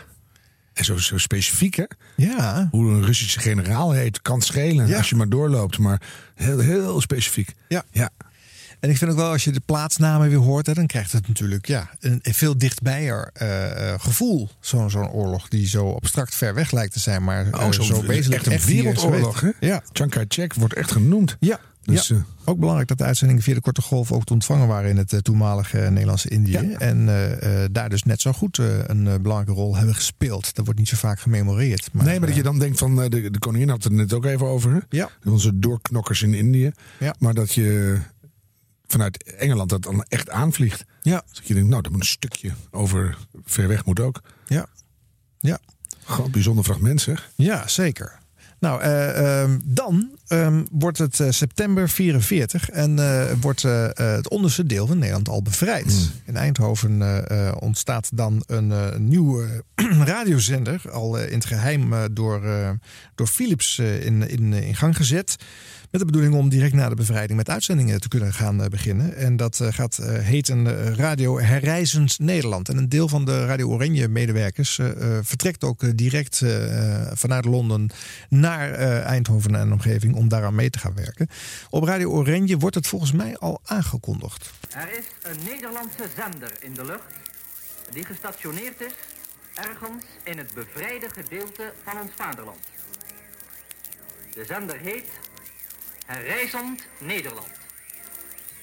Hij zendt uit op slechts één golflengte en wel 420 meter. Ik herhaal 420 meter, 4, 2, 0 meter. De tijden van uitzending zijn de volgende. S'morgens van 7 uur tot half 10. Smiddags van 12 uur tot half 2. En dan van 5 uur 's middags tot kwart over 10 s'avonds. Ik herhaal de tijden van uitzending van de zender Herreizend Nederland. S'morgens Ja, je begrijpt hè, waarom dit steeds herhaald werd. Mensen moesten natuurlijk eh, ja, eh, eh, schrijven, schrijven, en, dan bliepte er weer wat. En, Ja. en best lange uitzendtijden voor een Ja. beginnende zender. Ja. Gewoon tien uur radio of zo. Ja. 10 s'avonds. Wauw. Alle uitzendingen vinden plaats op golflengte 420 meter. Luisteraars, ik wil aan deze aankondiging nog een enkel woord verbinden. We hebben er altijd naar gestreefd om Radio Oranje te maken tot een zuiver Nederlandse uitzending. Wij zijn daarin geholpen door onze Engelse vrienden, vooral van de BBC, die ons technisch met alles terzijde hebben gestaan, maar ons verder altijd onze gang lieten gaan. Toch, wij waren een uitzending vanuit Londen. En wij kunnen ons daarom zo goed voorstellen wat er omgaat in onze landgenoten aan de overkant, aan wie de moeilijke, maar prachtige taak is toevertrouwd. De stem van het vrije Nederland, door de ether te doen weerklinken van vaderlandse bodem. Dat dit mogelijk is, zo kort na de bevrijding van de eerste gedeelten van ons vaderland. En terwijl alle officieel bekende zenders nog in de greep van de vijand zijn, dat, luisteraars, is een technische prestatie geweest waarmee een aantal voortreffelijke vaderlanders zich buitengewoon verdienstelijk hebben gemaakt voor onze nationale zaak. Meer mogen we hier vanavond nog niet van zeggen. Behalve dan dat wij hier, namens alle luisteraars, en in het bijzonder namens de staf van Radio Oranje, aan allen die ginds betrokken zijn bij het werk van de zender Herreizend Nederland, van ganser harte willen toewensen goede moed bij hun prachtig, maar moeilijk werk in deze allerzwaarste periode in de geschiedenis van ons volk. Radio Oranje groet Herreizend Nederland en spreekt zijn vertrouwen uit in een nauwe en hartelijke samenwerking in dienst van koningin, vaderland en victorie. Ja. Hij begrijpt ook wel dat het eh, uitzenden vanuit Nederland eh, nog veel waardevoller eh, zal zijn voor de mensen die het kunnen horen dan het verhaal uit Engeland uitstralen. Ja, denk ik ook. Gewoon het eigen land weer. Ja. Ja. Maar bizar hè, dat je dan voor je bevrijd bent toch stiekem, terwijl je al een, een, een, een lamp- en radiofabriek bent, dat je dan toch stiekem bij Anton Philips in de kelder hebt zitten knutselen butselen. Ja. En dan dat het dan meteen staat. Ja. Ongelooflijk, ja. Onder verantwoordelijkheid van het eh, militair gezag eh, gaat deze zender dan eh, nou ja, vanaf september 44 uitzenden. Dat doen ze tot in 1946 overigens. Ja. De bekende medewerkers zijn onder andere Frits Tors, Karel Noord, Kees Middelhof, Nettie Roosevelt, Arie Kleiwecht, Fred Knol, Joop Landeree, Max Dendermonde en zo verder. Hele eh, lijst prominento's. Zeker. Jeetje, maar de- en, en dan weet je september 44. En dan is het op dat moment is dat super hoopvol en vertrouwenwekkend. En voor die andere helft aan de bovenkant van de rivier, dan weet je nu wat er nog komen gaat. Hè? Ja, nu wel, toen niet. Dat is echt heel, heel wrang. Zullen we wat luisteren van de tweede uitzenddag van dat Radio Herreizen Nederland? Ja. Luisteraars, voor de eerste maal in de geschiedenis van onze zender op vrij Nederlands grondgebied zijn wij er vandaag met de reportagewagen op uitgegaan. En wij zijn in Tilburg aangekomen, waar vandaag precies acht dagen na de bevrijding van de stad deze bevrijding feestelijk zal worden herdacht. Wij staan hier op het ogenblik met onze microfoon op het bordes van het stadhuis van Tilburg. Het stadhuis van Tilburg dat vroeger in het midden van 1800 het paleis is geweest van koning Willem II. Vanaf het bordes hebben wij een prachtig uitzicht over het plein dat hier voor het stadhuis is en waar op het ogenblik zich beginnen te verzamelen een ontzettend groot aantal mensen om straks hier de feestelijkheden die hoofdzakelijk bestaan uit een défilé voor de burgemeester, om die feestelijkheden goed te kunnen bijwonen. Daar rijdt op het ogenblik rechts van mij, hier van het bordes, een Engelse tank het plein op.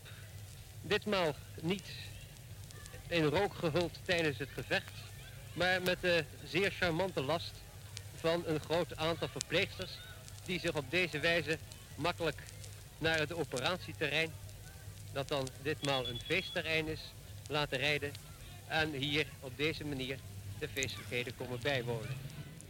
Ik maak me sterk dat u op het ogenblik op de achtergrond wel het geluid van deze tank zal horen. Nou, het valt me juist op dat ik eh, heel veel eigenlijk hoor van de achtergrondgeluiden. Van, eh, Enorme dit, eh, ambiance, ja, prachtig klinkende geluid. terwijl dit, nou ja, begin eh, ja, in 44 al met deze kwaliteit gemaakt kon worden. Dat ze er klaar voor waren. Dat ze een reportagewagen Maar hadden. Op dat- de tweede uitzenddag ze al naar reportagewagen vandaan? Ja, dat moet bij ook bij Philips hebben gestaan. Die stonden er gewoon die zijn niet onklaargemaakt, zoiets. Nee. En dat is sowieso raar, want als de oorlog straks eh, eh, eh, ook in de bovenste helft van Nederland eh, voorbij is, dan gaan alle omroepmedewerkers in Hilversum kijken wat er nog over is. En dan blijkt eigenlijk alles intact te zijn. Ja, op een of andere manier, communicatiemiddelen is natuurlijk het eerste wat je vernietigt tegenwoordig in moderne oorlogen. dat is toen niet gebeurd. Nee, dat is ja, Ja, opvallend. gelukkig. Mag je wel zeggen. Ja. Maar goed, eh, eh, herreizend Nederland, eh, dat klinkt mooi. Maar wij moeten in 44 nog eerst de hongerwinter door. Hier is Herreizend Nederland, de zender op vrije vaderlandse grond.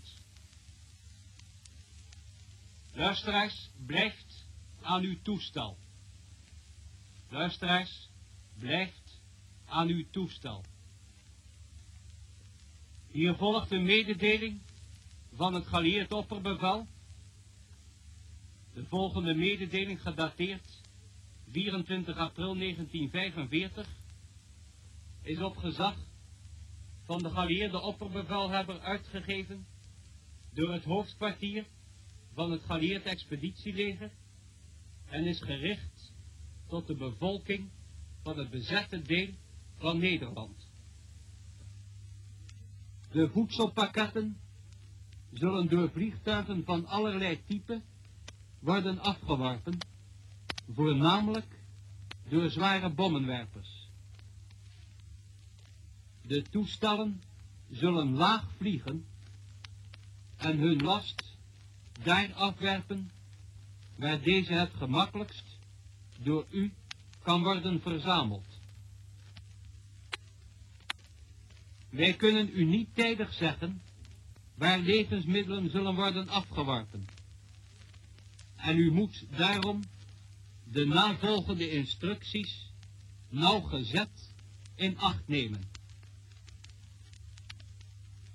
Verwacht voedselpakketten, zowel bij dag als bij nacht.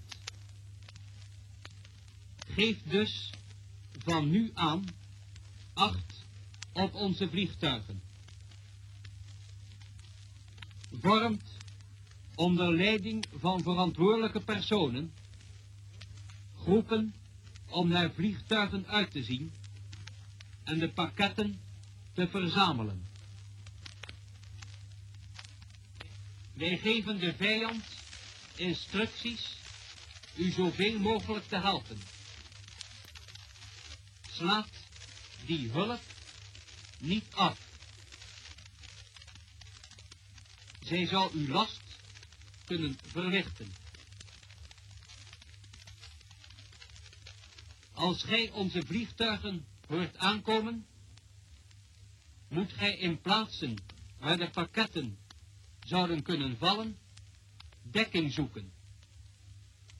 De pakketten zullen niet met valschermen worden neergelaten en zij zullen zwaar genoeg zijn om, als ze u mochten raken, u ernstig letsel toe te brengen of zelfs te doden.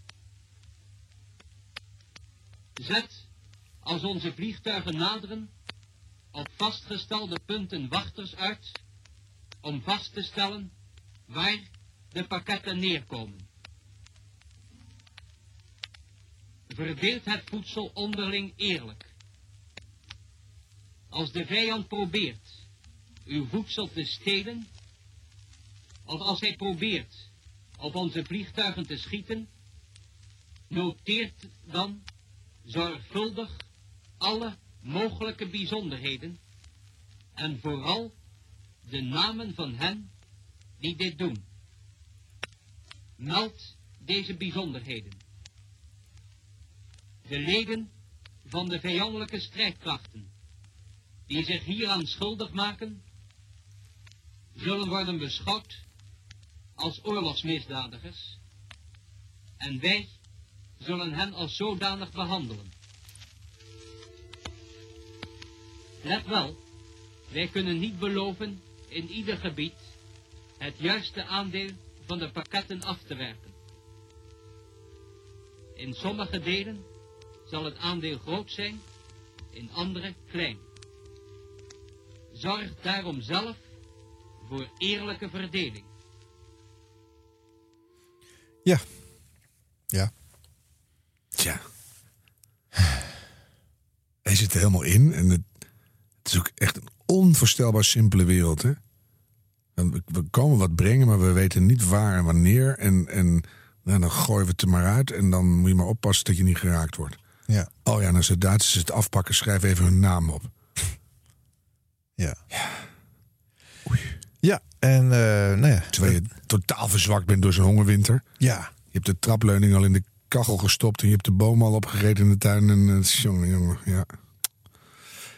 Het moet ook zo raar geweest zijn. Ik ken eigenlijk helemaal niet zoveel verhalen over hoe het in het zuiden van het land is geweest om eh, ruim een half jaar eh, de rest van het land nog in bezetting mee te maken. Terwijl jij al een, een, een, weer een, een leven kan gaan opbouwen. En je bevrijding al herdenkt na een week. Ja. En dan, ja. Ja. ja.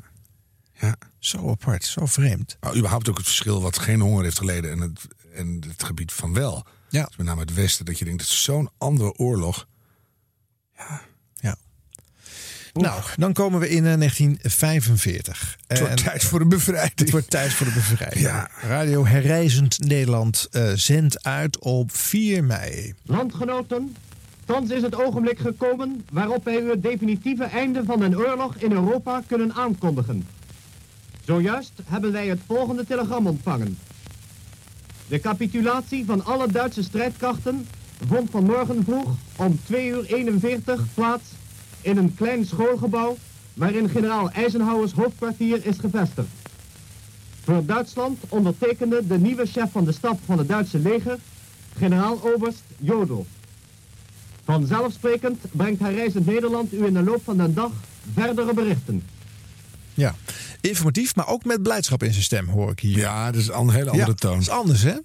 Nou, later die dag, meer informatie. Luisteraars, landgenoten, Nederlanders. De bevrijding is daar. Spoedig zullen we allen herinnerd zijn. Zullen we samen helpen om de geslagen wonden te helen? Zullen we samen werken om een goed en een nieuw Nederland te bouwen? Laten we op dit oneindig grote, goede en gelukkige ogenblik het elkander beloven dat we alles zullen doen voor het vaderland.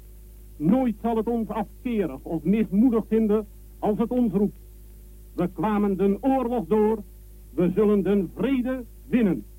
Leven onze vorstin, leven het vaderland, leven de victorie. Ja, zo zat het op eh, Radio Herreizen Nederland. Intussen is Radio Oranje er dus ook nog in, in Londen. Maar even dat, dat er meteen al, je bent nog niet bevrijd. Op de dag zelf praat je al over, we gaan een nieuw Nederland maken. En zoveel drang om vooruit te gaan. Dat, ja, dat snap ik heel goed. Ik zat gisteren met Syrische vrienden in de tuin in Lochem. En die hebben daar een nieuw bedrijf of een nieuw bestaan opgebouwd. Terwijl er nog heel veel mensen in Syrië wonen. En die zitten dan met tranen in hun ogen mij te vertellen hoe mooi Damascus is. Wat voor stad dat is. De oudste stad op aarde. De dit, de dat. En dan ik heb je echt dit gevoel. Hè? Ja. En, nou, dan denk je van het is gewoon van alle tijden. En we leren echt nooit iets. Lijkt het wel. Nee. En daar is het nog eh, geen bevrijding. Nee. Gaat gewoon door. Ja. Wat wil je zeggen? Ehm, Minister-president Gebrandi, die zit eh, nog steeds in Engeland. En eh, op 5 mei is hij ehm, op eh, Radio Oranje degene die de landgenoten toe kan spreken vanaf de BBC-burelen. Landgenoten, de welhaast vijf jaren tellende onderdrukking is voleindigd. Het Duitse Rijk met zijn misdadige regeerders die hun Nederlands nabuurvolk naar het leven stonden, is verslagen. De Duitse geheime politie loert niet meer aan uw huizen en wegen. Gij zijt verlost. Beloond is de moed van onze land, zee- en luchtmacht en het volhouden van onze koopvaardij. Bekroond is de taaiheid van de mannen en vrouwen van het verzet in elke vorm. Gezegend is de standvastigheid waarmee heel ons volk den onderdrukker heeft weerstaan. Met eer versierd is het beleid van onze geëerbiedigde vorstin die op het punt staat na vijf bittere jaren thans met geheel haar volk te worden verenigd. Toegejuicht wordt de dapperheid niet slechts der Britten, Amerikanen, Canadezen, Polen, van onze eigen brigade en onze stoottroepen, maar ook van Russen, Noren, Tsjechen en alle andere strijdende naties, want de bevrijding van Nederland is een daad van het gezamenlijk offensief van alle verenigde volkeren tezamen. Wanneer u terugblikt op deze wereldstrijd, dan mag het even schijnen alsof zijn verloop natuurlijk, vanzelfsprekend waren. Maar wanneer u let op de dieptepunten, als in juni 1940, in februari 1942, of op uw eigen noodtoestand in april 1945, dan beseft gij ineens dat uw bevrijding is een wonder Gods, waarvoor hem allereerst de dank toekomt. Nou ja, dat lijkt me dan weer niet zo nodig. Maar ehm, Ja, onvermijdelijk. Maar wat moet Ja. er gebeuren? Wil Brandius echt blij zijn, hè? Ja, in het begin Kan is hij nog wel even, dan zet hij nog Nou. een paar woorden aan. Dan hoor je nog een soort van blijdschap. Maar het wordt al wel heel snel weer politiek, hè? En, Verjagen. Of er, was één Ja. woord bij wat hij echt. Er zat alle haat van vijf jaar in. Maar Ja. dat, dat was het zo'n beetje. Ja. Dus niet van wat, wat zijn we blij. Of eh, Nee. hoera, we zijn weer vrij. Of niks. Gewoon. Nee, dat is Nee, zo dat opvallend. hoort er niet bij. Maar het is zo tijdsgeest, denk ik. Het is gewoon hoe, hoe mensen eh, spraken. In ieder geval voor een microfoon. Ja. Het is gewoon niet anders. Dus je hoort die blijdschap niet echt. Nee. Nou, ehm, En ook iedereen bedankt, hè? Ja. De, de Polen moeten we nog even noemen. hè? ja, ja, ja hebben- moeten natuurlijk alle relaties moeten weer... Eh, eh, de- de- Ik geloof de half bevrijd door Canadezen. Zaten die ertussen? nee. Nee, Canadezen, bedankt. Ja. Nou ja. 7 mei, eh, Radio Herreizend Nederland. Landgenoten, Alle Duitse strijdkrachten hebben zich onvoorwaardelijk aan de geallieerden overgegeven. Zo wordt officieel gemeld. De overgave vond plaats vanmorgen om 2 uur 41 minuten Franse tijd in een klein schoolgebouw waar het hoofdkwartier van generaal Eisenhower is gevestigd. Generaal Biedelsmith, de chef van de staf van generaal Eisenhower, tekende voor deze.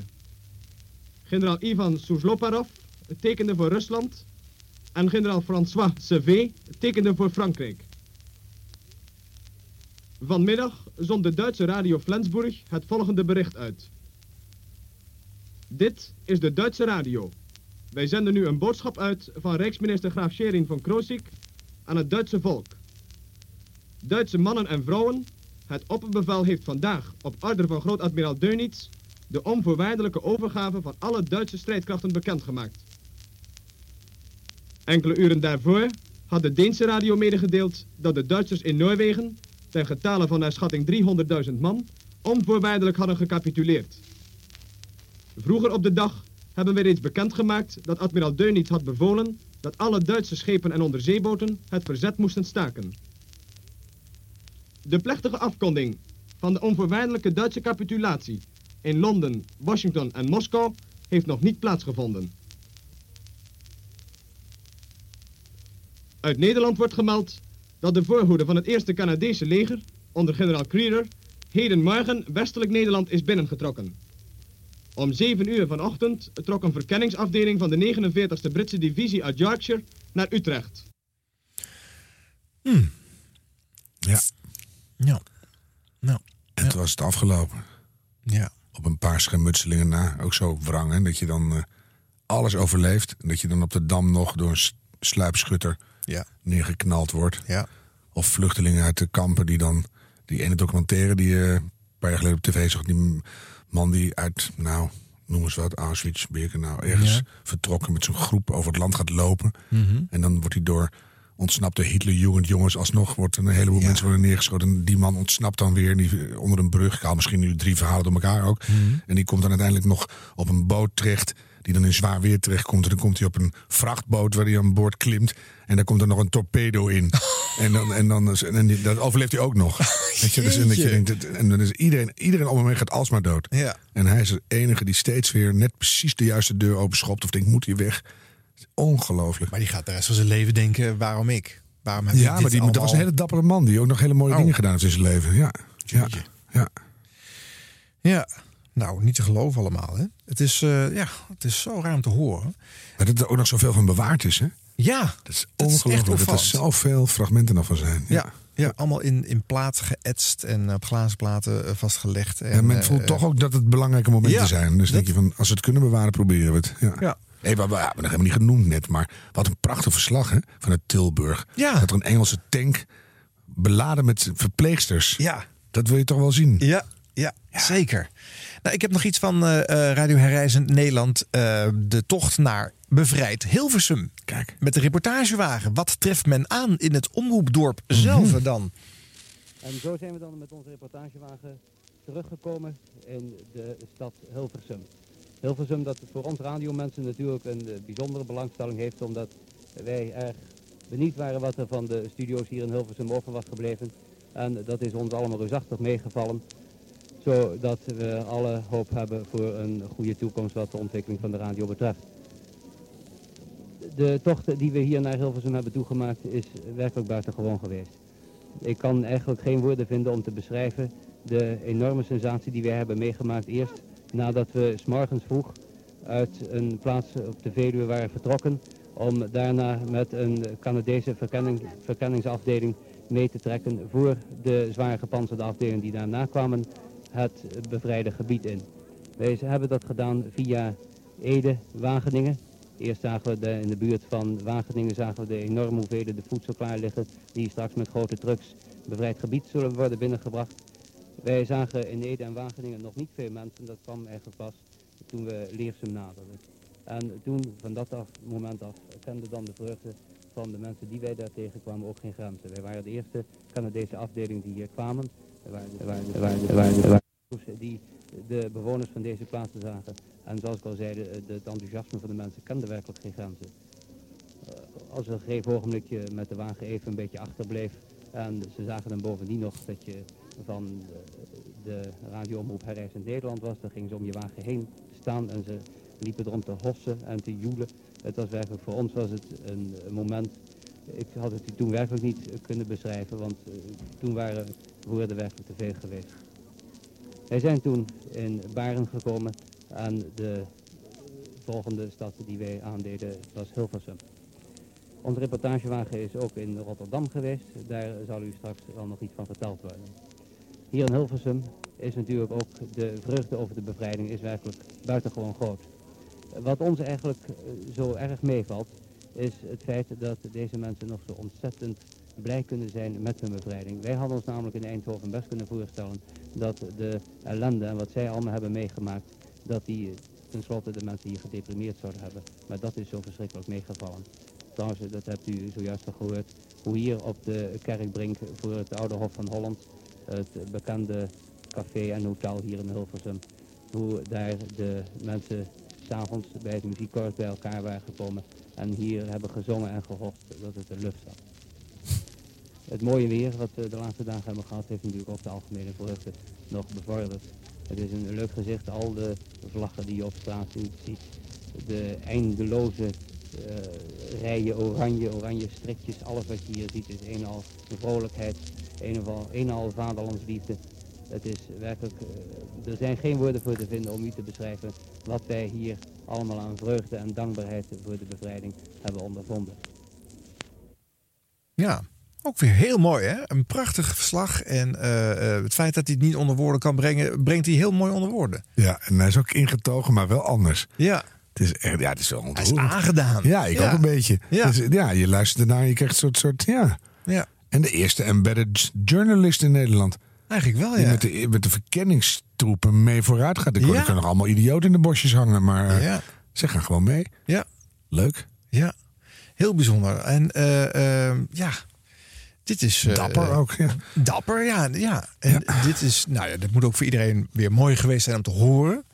En wat, ik vind het mooi dat hij zegt, mensen zijn hier toch na een half jaar meer ellende niet zo aangedaan als ik gedacht Ze had. hadden Eh, gedeprimeerd kunnen zijn. Ja. Mooi uitgedrukt, hè? ja, Ja. ongelooflijk. En allemaal oranje en vlaggen. En je kent de schilderijen ervan natuurlijk, en foto's. Ja. Maar hij beschrijft het heel goed. Ja. Je ziet het voor je. Er zijn ook wel mooie foto's uit Hilversum uit die dagen. Dat ze eh, mooie kleurenfoto's zelfs, eh, overzichtsfoto's. Je begrijpt niet hoe het gemaakt heeft kunnen worden in die dagen. Maar je- bewaarde dingen. Ja. Speciaal voor als het moment komt. Echt amateurs ook. De rolletjes film en zo. Die bewaren we voor Ja. als het weer vrij en vrede is. Ja. Ja. Ja. Dan wordt op 2 juni 1945 de allerlaatste uitzending verzorgd bij de BBC op Radio Oranje. Weet je, worden dat heeft eigenlijk niet zo'n. Ja. zin meer. Hè? En het eindigt dan zo. I am here tonight to say goodbye to you all. And I am here to offer you the thanks of the Netherlands government for all you have done, for all that you have meant to the Dutch since the 10th of May 1940. My colleagues and myself are returning to our homes, to our country, saved at the very last, after suffering such as you and I can hardly imagine. I take back with me a picture of your country, which to foreigners seems like one great park, dotted here and there with areas called towns, mostly beautiful, but occasionally rather untidy. Yet it was these same untidy towns which provided many of the weapons for England's war. I take with me the memory of your remarkable universities and schools, so different from those of the continent and permeated with those peculiarly English traditions, which also give a special flavor to your political and social institutions. Ja, en zo gaat het nog eh, 3,5 minuten door. Maar eh, Dat is lekker Hollands toespraakje Ja, weer. heel erg Hollands Je zegt van, het ziet eruit als een park. Met hier en daar gebieden die, die, die we stad noemen. en sommige zijn een beetje viezig. Ja, maar ja, daar werden de wapens gemaakt. Maar toch een beetje viezig. Dus dat, dat is echt een, eh, heet die regisseur die ooit een Oscar kreeg? Die zei ook weer zoiets kolossaal vreselijks. Voor Max Havelaar. Oh. Hoe heette die nou? Ja. En eh, Doet er niet toe. Maar dus dat, dat zijn we echt goed in, internationale toespraken hoor. Ja. En, eh, Maar goed, er spraken nog niet zoveel Hollanders, denk ik, eh, goed Engels. Hè, Ze hebben er vijf jaar 40. gezeten. Ja, dat is waar. Ja. Nee, dat- ik, met het Engels maakt me niet uit, maar wat hij dan zegt. Ja, wat hij zegt, Truttig. ja. Dat Ja. Zeg dan van, eh, ik, neem geen, ik, neem, ik neem jullie in mijn hart mee naar huis. Ja, En zoiets, Dank hè? voor alles. Jullie hebben een grote bijdrage geleverd aan alles wat we eh, over, die, over, die, over dat kanaal hebben gestuurd. Dank jullie wel. Maar het is alleen maar van, ik take back a picture of your country. country. That Nou ja, mainly looks like a park. In with certain de- areas we call cities. Ja. And some of them rather untidy.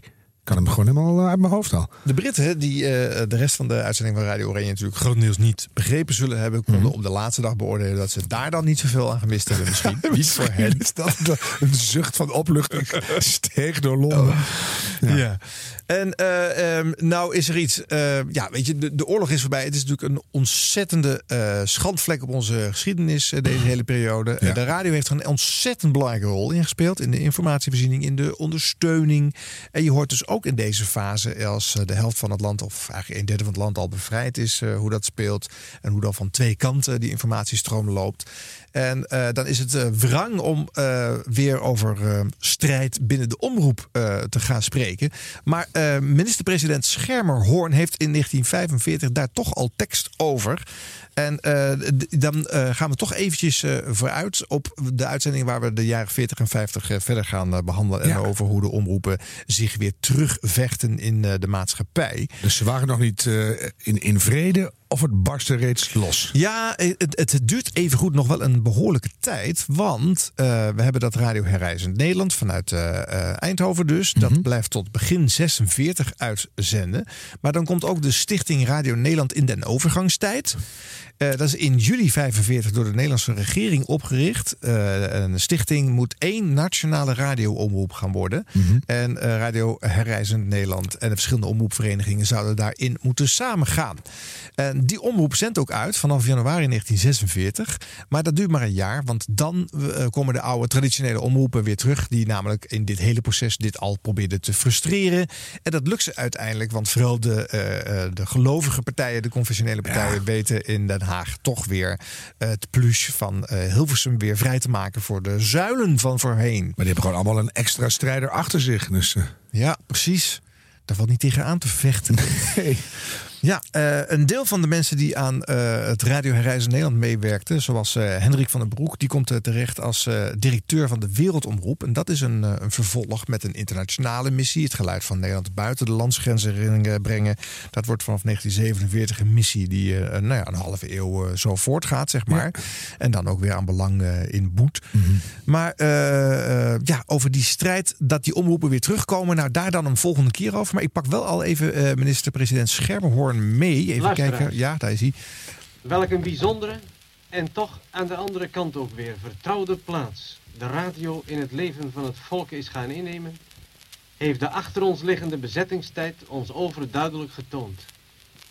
Naast de pers is de radio voor velen een geleidingsdraad geworden, waardoor een deel van de stroom van menselijk leven tot hen vloeit, waardoor zij deel hebben aan het geheel van geestelijke, culturele en ook zakelijke elementen die door machtige organen in de radioomroep worden gelegd.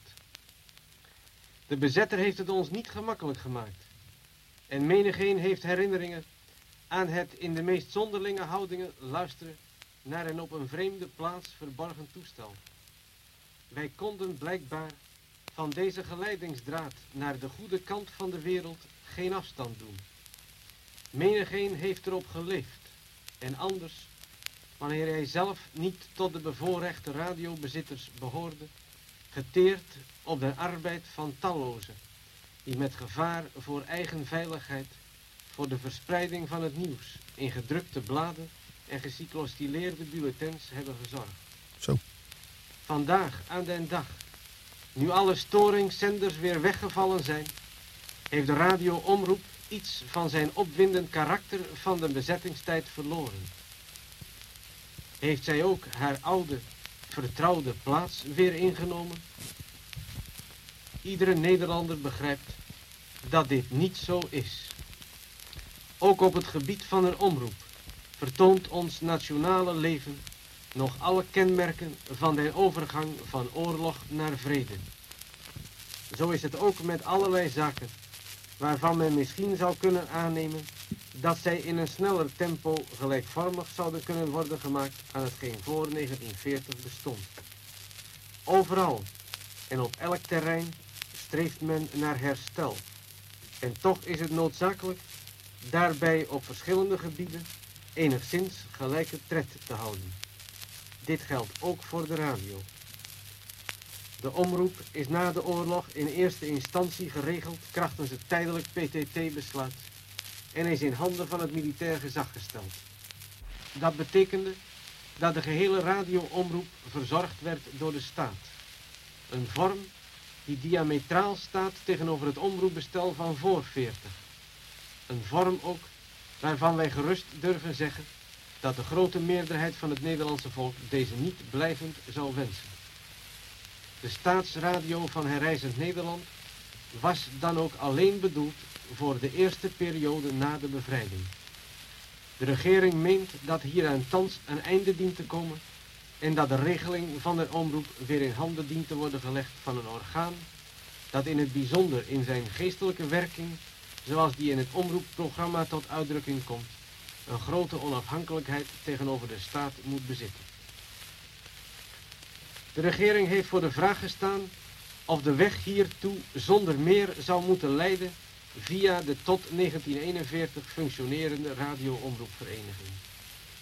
Dit lijkt een voor de hand liggende methode, die echter naar de mening van de regering voor de thans nog bestaande overgangstijd bezwaren heeft, die groter zijn dan de voordelen die eruit zouden voortvloeien. Ook de vier algemene omroepverenigingen zelf hebben zich in het laatste jaar van de bezetting onder leiding van professor meester J. Oranje beraden over de voor deze omroepverenigingen wenselijke gang van zaken. Professor Oranje ging daarbij van de ook door ons aanvaarde gedachte uit dat het gewenst zou zijn zo weinig mogelijk vooruit te lopen op de toekomstige beslissing die de eerste door het volk gekozen volksvertegenwoordiging over het definitieve bestel van de Nederlandse omroep zal moeten nemen.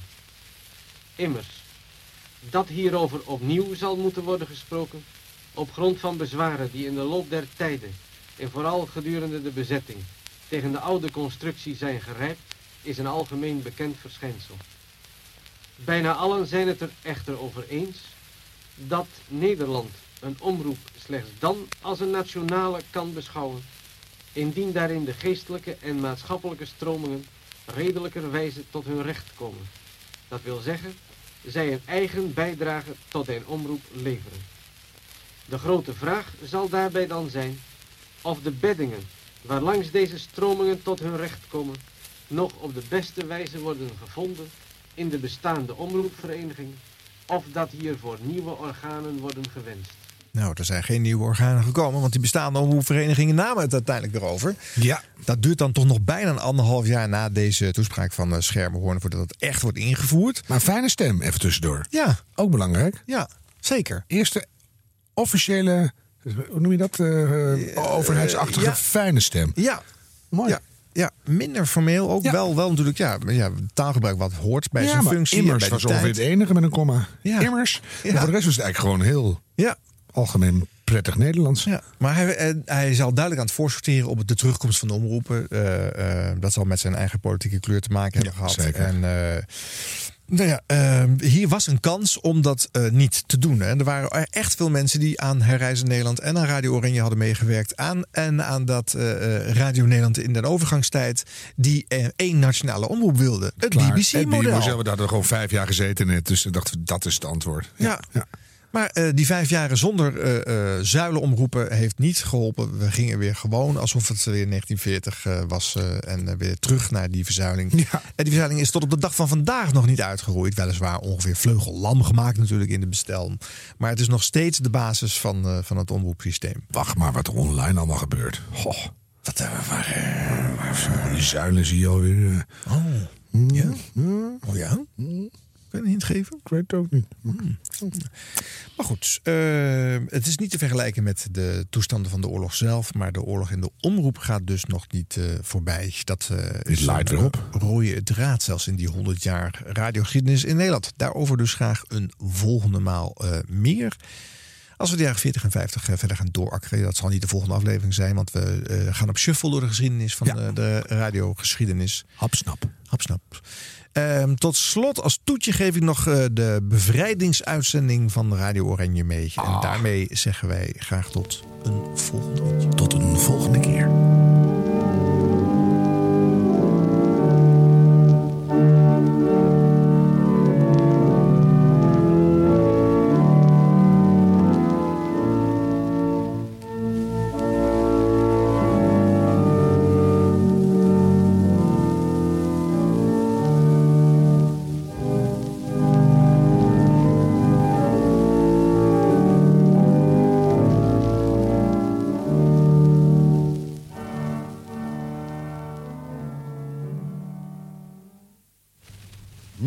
Over Nederland. In een tent op de Luneburger Heide is gisteren laat in de middag het document getekend van de onvoorwaardelijke overgave van alle Duitse strijdkrachten in Nederland, Noordwest-Duitsland en Denemarken. De dag tevoren had een delegatie nog getracht te marchanderen. Montgomery had geantwoord, wilt ge doorvechten? Dan met plezier. Dan blijft er geen soldaat en geen burger over. Admiraal von Freudenburg, hoofd der delegatie, begon te huilen. De volgende dag kwam de delegatie terug. Montgomery wachtte hen op buiten de tent. Bij het passeren van de oorlogscorrespondenten zei hij... Heren, dit is het ogenblik. Vijf minuten later hadden 1 miljoen Duitsers zich onvoorwaardelijk overgegeven. Nu enkele berichten uit Nederland.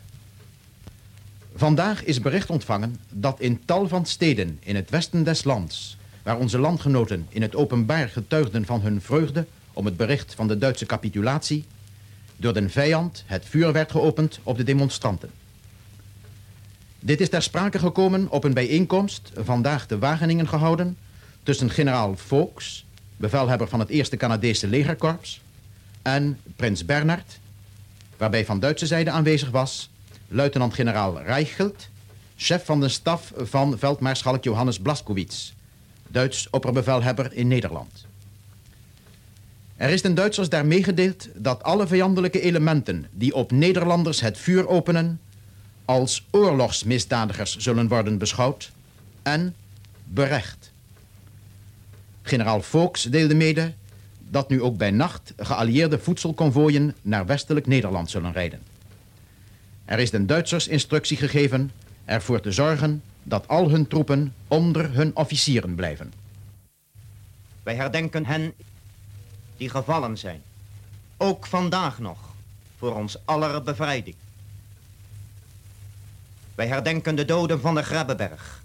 In hen eren wij allen die van 10 tot 14 mei hun leven gaven in een ongelijke strijd.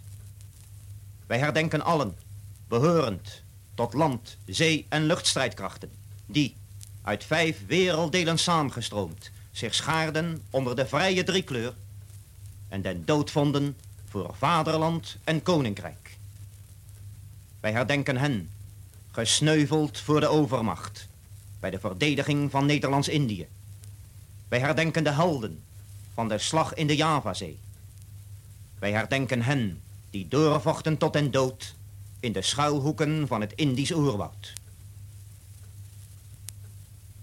Wij herdenken alle doden, gevallen om de bevrijding van Nederland.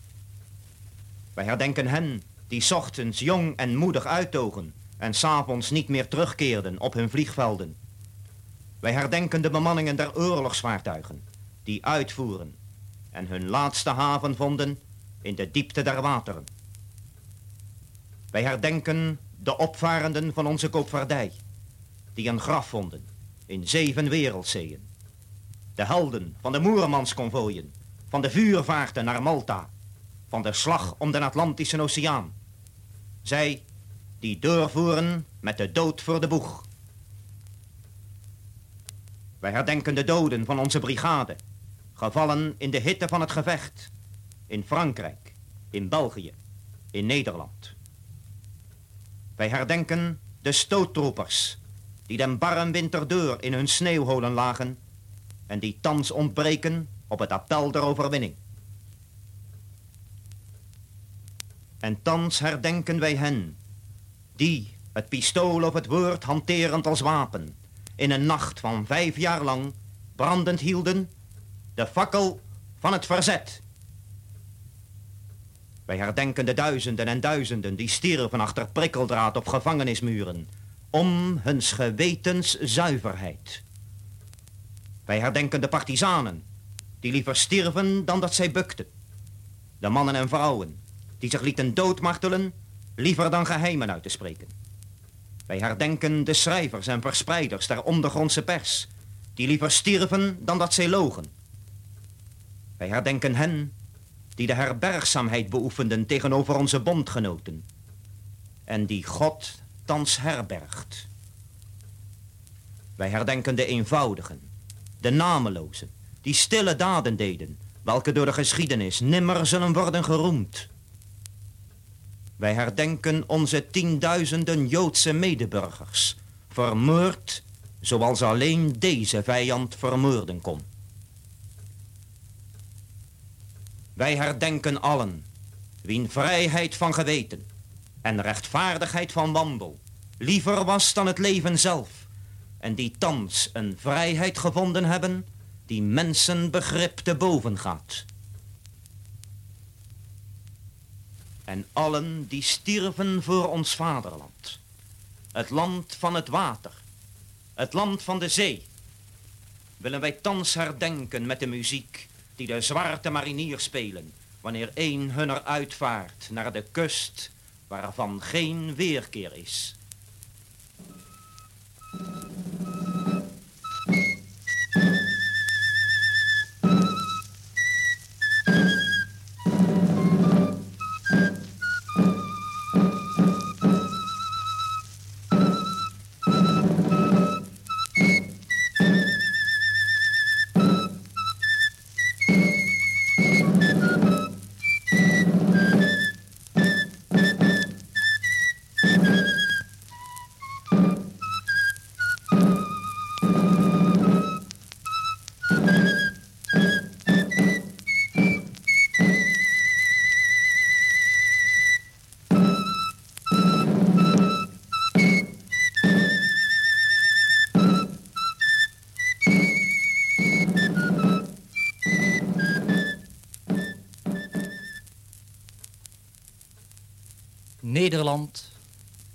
Ons vaderland. Het land dat alle voor ogen stond, die de ogen sloten. De bossen van Brabant en de Veluwe. De weiden van Holland en Utrecht. De meren van Groningen en Friesland. Zeeuwse stromen. Limburgse heuvels. De boerderijen van het oosten. Bezige steden van het westen. De hoofdstad mijn Amsterdam. En meer en uitstijgend boven dit alles, wat Nederland door de eeuwen heen betekend heeft als geestelijk begrip. Het land van Rembrandt, van Erasmus en de Zwijger, van Hugo de Groot en Thorbecke, van Kuiper, Droelstra en Schaapman. Hoe schone erfenis, hoe zware verantwoordelijkheid torsen wij, wie het geschonken wordt, het vaderland op te bouwen. Wij voelen ons klein in dit grote uur. Klein, maar niet machteloos, maar niet geslagen. Onze gemeenschappelijke taak is het, het land bij de Noordzee, in de woorden van den dichter, hoog op te stoten in de vaart der volkeren. Onze gemeenschappelijke taak is het in Nederland te brengen gerechtigheid, moed en levensvreugde. Het te maken tot een land van ernst en blijdschap, van mijmering en aanpakken. Met een naam die klinkt als een klok waarvan het zingen de aarde omgolft en zich verliest in de hemel. Zo en zo alleen zijn wij de offers waardig voor ons gebracht. Zo zullen wij de bede vervullen die het bloed der martelaren schreef op den bodem van het verdrukte vaderland. Maar als ik leven mag tot de bevrijding en juichen op het overwinningsfeest. God, doe dan dit mij weten. Wat voorbij ging aan nood en leed, is niet vergeefs geweest. Laat hier een volk herrijzen, wijzer, schoner dan toen het neerdaalde in het doodsgebied. Dat van uw aarde opnieuw een vrij bewoner staag naar de komst van uw voleinding ziet. Omdat dan van dit land de horizonnen rijp worden door uw licht van eeuwigheid. Omdat uw martelaars hier overwonnen en met hun bloed de bodem is gewijd. Laat ons dit land, zolang de zon zal schijnen. God, doe het ons ontvangen uit hun hand. Laat ons nu, wat zij wonnen met hun pijnen, herboren worden tot een vaderland.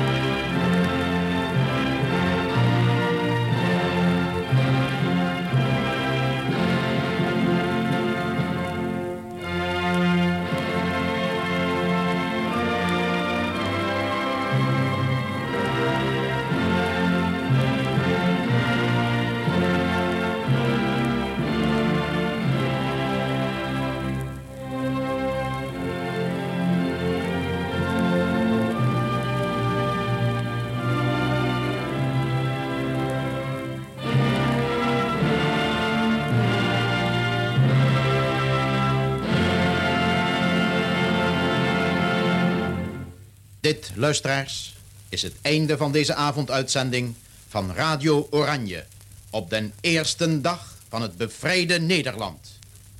Voor allen in vaderland en koninkrijk, goede moed. En voor allen op zee in het bijzonder, behouden vaart en goede wacht. Nederland is herrezen.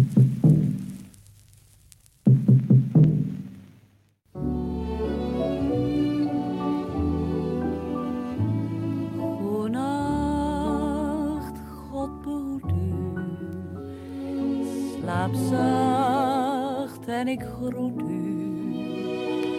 Van allen ter zee en te land. Zij hopen en dromen weer spoedig te komen